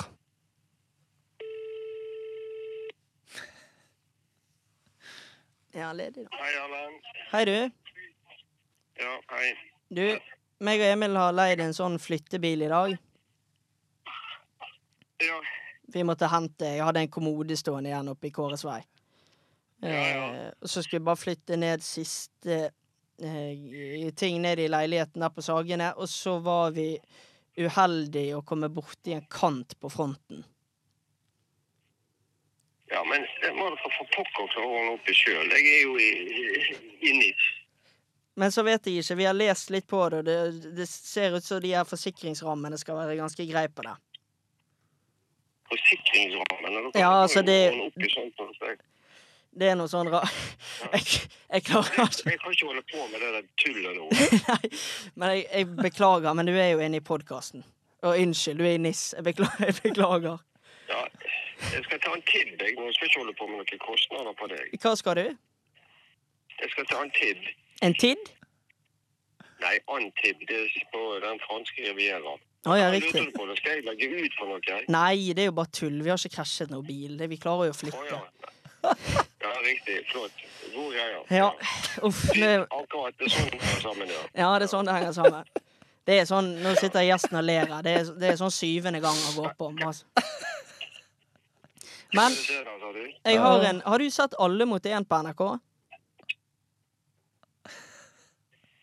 Jeg har vel streffet innom det, tror jeg. Ja. ja. For der er det en, eh, en programleder som heter Thomas Engeseth. Han har litt sånn rødlig brunt hår, han er fotograf og sånn i tillegg. Og jeg sitter og prater med han, men jeg er redd du ikke vet hvem det er.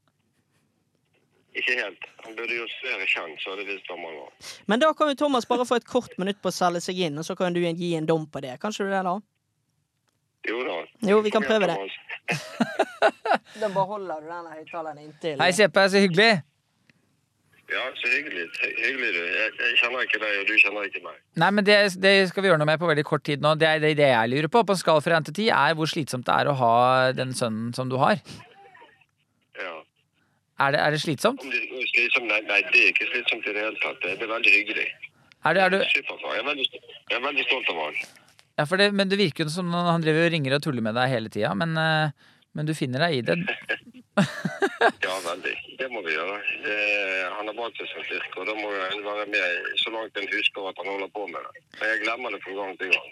Ja, han er, virker som en veldig fin fyr. Det- det- Ja da. Ja, det, nei, men det, det, Ja, det skal ikke handle om meg, dette. Men, eh, men eh, hvis, det er, hvis det er én ting For jeg, jeg er nylig småbarnsfar og trenger tips. Hva er den ene tingen du er mest glad for at du har gjort med, med sønnen din? For å liksom få han til å bli den han er.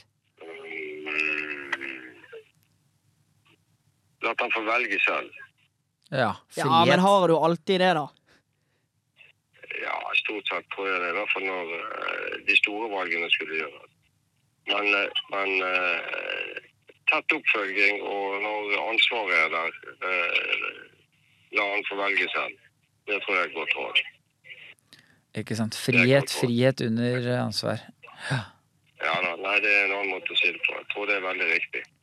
Så det er det beste rådet jeg kan gi deg. Du, det hørtes veldig fint ut. Du, det, ja, men 100 på ekte. Det var veldig fint, det. Hva syns du om Thomas, basert på det du har hørt, eh, hørt dette minuttet, da? Ja, nei, men godt. Du, du, vi rekker ikke, men nå, jeg må, det er masse annet eh, turister her, så vi, vi må legge på. Vi Ja, men du må svare.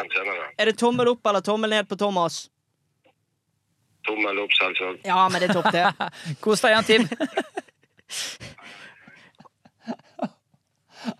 Han er lei at du ringer, da. Han er lei at du ringer. Ja, smålig. Smålig. Oi, oi, oi. Du smålig. Du, gir deg ikke. Du gir deg ikke. Nei, jeg gjør ikke det. Du ringer den, du. Ja, de, folk liker det da, vet du. Men du er verdens mest uskyldige, søte fyr. Altså, Du ringer og skal kødde med faren din, Ja. og sier ikke at bilen er krasja. Du sier det kan ha kommet noen små riper på det ene hjørnet. Jo, men han Det er er, det er tulletelefonen din. Du er altså så varm og rolig fyr. Men du hører at han blir shaky likevel. Ja, det er det jeg gjør. Ja. Så du har jo forstått hvor du skal legge deg for at det ikke skal 100% klikke. Ja, det gjør jeg jo, men det kan hende jeg må gjøre det en ordentlig gang òg. For hvis du hadde sagt at du, jeg har kjørt rett inn i en handikapbil uh, og tatt hele fronten på bilen, Mm. uh, så ville du fått en veldig voldsom reaksjon ettersom han reagerte så voldsomt Ja, på, På- noen, på noen riper der. på noen riper på Ja, på hjørnet. Og du sa til og med at ja, forsikringen ser ut som å være i orden. Så ting, ting er bra, altså. Jeg bare tenkte jeg skulle si fra. Jeg må bare beklage for at han ikke hadde en sånn fyldig grunn, nei, konklusjon om hvordan han, hva han syntes om deg. Men det Nei, men kan han fikk ikke så mye å Nei, han hadde ikke så mye å gå på, men jeg kan jo heller gi deg denne, da. Du lurer kanskje på om du er en streit person eller ei. Ble du så blank i øynene nå? Er du spent? Er du nervøs? Syns du dette er gøy? Det er ikke gøy. Alt kan ikke bare være lek og moro. Vi må jo finne ut om du er en fet person eller ei. Er du streit, eller? Ja, er det en streiting? Du er jo eh, på ingen måte en streit person. Dette ble jo veldig enkelt. Kan du fortelle meg bare hva streit er, sånn at jeg henger med? For jeg tar ikke helt den referansen. Altså, er du streit, da, så er du gjerne litt A4. Du gjør det som er forventet av deg, nesten til enhver tid. Du følger strømmen. Ehm, og så for eksempel da, sånn som jeg, du, da, som er et veldig godt eksempel, som, som søker noe som du syns er gøy å jobbe med. Den streite personen ville nok valgt noe trygt som eh, man har fått eh, som anbefaling hjemmefra, da. Så streit er det samme som A4, har jeg skjønt det da? Ja, litt A4. Ja. Enkelt og greit. Hvorfor det? Hvis du er streit Ja, er du en streiting, da, så er du liksom sånn Nei, ja. eller mente du at jeg var streit? Nei, Nei, du mente på ikke det, nei. ingen måte. Å, nei, da skjønte jeg ikke. Nei, ok, jeg misforsto. Du er jo lite streit. Ja, ok. Er det Faen, du det. kjører jo longboard med ungen i, lo i Lotus-stilling, jo, og, og spiller inn filmer og, og holder på og virker jo som en Du hopper jo fallskjerm. Altså, du er jo Og så er du reflektert etter. Ikke bare det at du gjør kule ting, men jeg syns du er en kul fyr i tillegg. Og du søker liksom det du har lyst til å gjøre på, og du sier du kan ikke jobbe for lenge én plass fordi det blir kjedelig, så derfor jobber du med Altså, du, du vil bare ha det gøy, Thomas. Og vil man ha det gøy, og, og faktisk lever etter det så er jo man ingen streit person. Tenker jeg, da. Jeg ble veldig farget av mamma som sa på et eller annet tidspunkt at ja, men du kan, ikke du kan ikke alltid ha det gøy, Thomas. Du må ha det litt kjedelig innimellom. Sa hun når det var snakk om liksom jobb og fremtid og sånn. Så jeg tror jeg bare lever for å bare prove her wrong. Mm. Ikke fader om jeg skal ha det så kjedelig på jobben, ass. så jeg bare prøver å motbevise mutter'n hele livet, egentlig. Nydelig. Nydelig. Vi skal ha en Men før det går. Og i den Men før det går, så vil jeg at eh, Jeg har fått inn noen lytterspørsmål om folk som har lurt på om de skal starte å legge ut mer eh, innhold på sosiale medier og på YouTube, som de eh, skal bruke mer tid på. De har lyst til å satse litt på innhold og sånne ting. Kanskje lage en podkast. Og da spør de hva er ditt beste råd for noen som skal begynne med noe sånt. Og nå åpnet du en helt ny dør til et kjempespennende tema. Jeg elsker jo å prate om og med folk som har lyst til å sette i gang Mm. med samme søren hva det måtte være. Og mitt store tips er nummer én har du lyst, gjør det. Eh, nummer to ikke tenk for mye over kvalitet, men kvantitet. Sett i gang før du er ferdig og før du er utlært og før du er klar. Begynn, og gjør det mye. Gjør det bare hvis det er gøy. Hvis ikke klarer du ikke å gjøre det mye. Sett i gang, gjør det mye. Hvor mange av de som kanskje har lyst til å begynne med noe sånt, hvor mange av de tror du egentlig blir, blir Det er kanskje ikke så viktig om de blir noe, men Det er nettopp det. ja. For stort sett så finner folk ut at 'å, det var ikke så gøy', kanskje. Eh, fordi det var Og så skal du føles lett. Hvis ikke så gidder man ikke holde på. Så, så man må jo gjøre de tinga som gjør at det føles gøy og lett. Og hvis man går ned på eh, kvalitet og opp på kvantitet, så kan det ofte være litt enklere å komme i gang fordi det blir litt morsommere når man jobber på den måten. I hvert fall i starten. Og så kan man etter hvert begynne å ta bort litt av kvantitet og gå litt mer for kvalitet. Men i starten så handler det om å bare banke ut. For det jeg opplever at veldig mange prosent gjør helt i starten, er at de tenker at før jeg skal vise eller slippe noe som helst, så skal det være jævlig bra. Mm. Og så blir de aldri ferdig. De blir ikke ferdig. Jeg lagde et eh, klippekurs. Eh, klippekurs.no, der altså. Eh, som, hvor rett og slett bare det viktigste vi lærer bort i det kurset, er rett og slett de tre F-ene. Få filmen ferdig. Mm. For folk får ikke greiene sine ferdig. De begynner, og de tenker, og de har noen ideer og noen planer, og de filmer kanskje litt, eller tar opp noen podkaster eller et eller annet. De får det faderen meg ikke ferdig klippa, og de får ikke trykka eksport.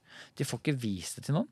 Og hvis du ikke har noe å vise, som du har laga, så kan du heller ikke bli klokere på hva det er du har fått til sjæl, og du kan ikke få tilbakemelding fra noen. Og folk er så redde for tilbakemelding, men tilbakemelding er det beste vi har. Man må lage det, og man må lage det ferdig. Samme hva det er. Om du kjøper deg et staffeli og tenker at du skal begynne å male, få det første maleriet ferdig. For folk begynner, og så tenker de det blir ikke så bra, så blir det halvveis ferdig, så blir det stående.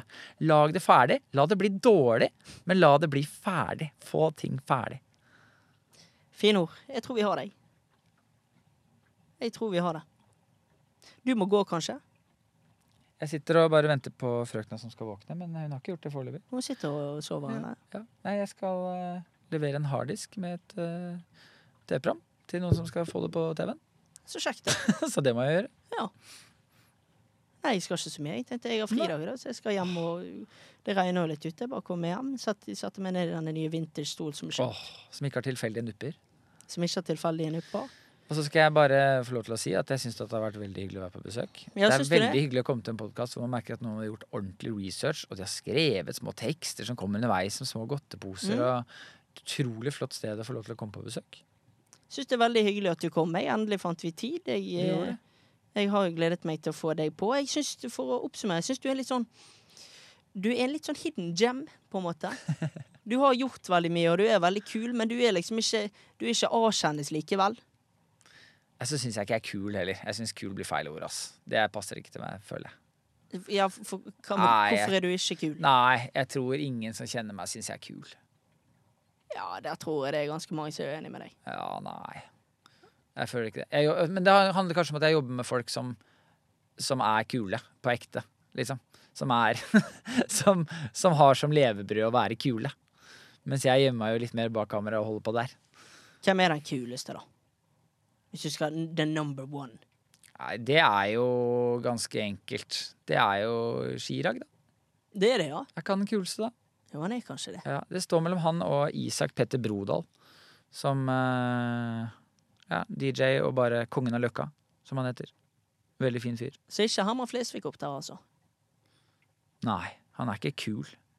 Han er veldig, veldig mange ting, men han er ikke kul. Nei. Han er jo det han selv kaller for en komplett spiller. Jeg syns han oppsummerer det veldig fint.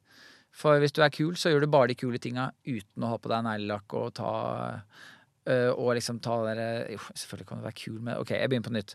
Uh, altså, han kan både kjøre motorsykkel og være fet, men også komme seg hjem og ha spa hjemme på badet sitt med 73 forskjellige produkter. Mm.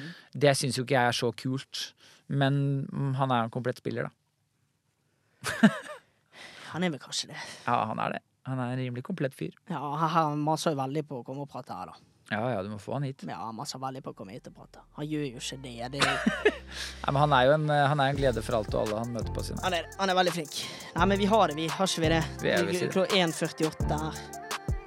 Jeg, har, jeg føler meg Man føler man sitter og lager podkast og prater, og sånn, så føler man seg til slutt sånn Jo, jeg har kanskje jeg kan stille det spørsmålet, men så føler man at en prat er en prat.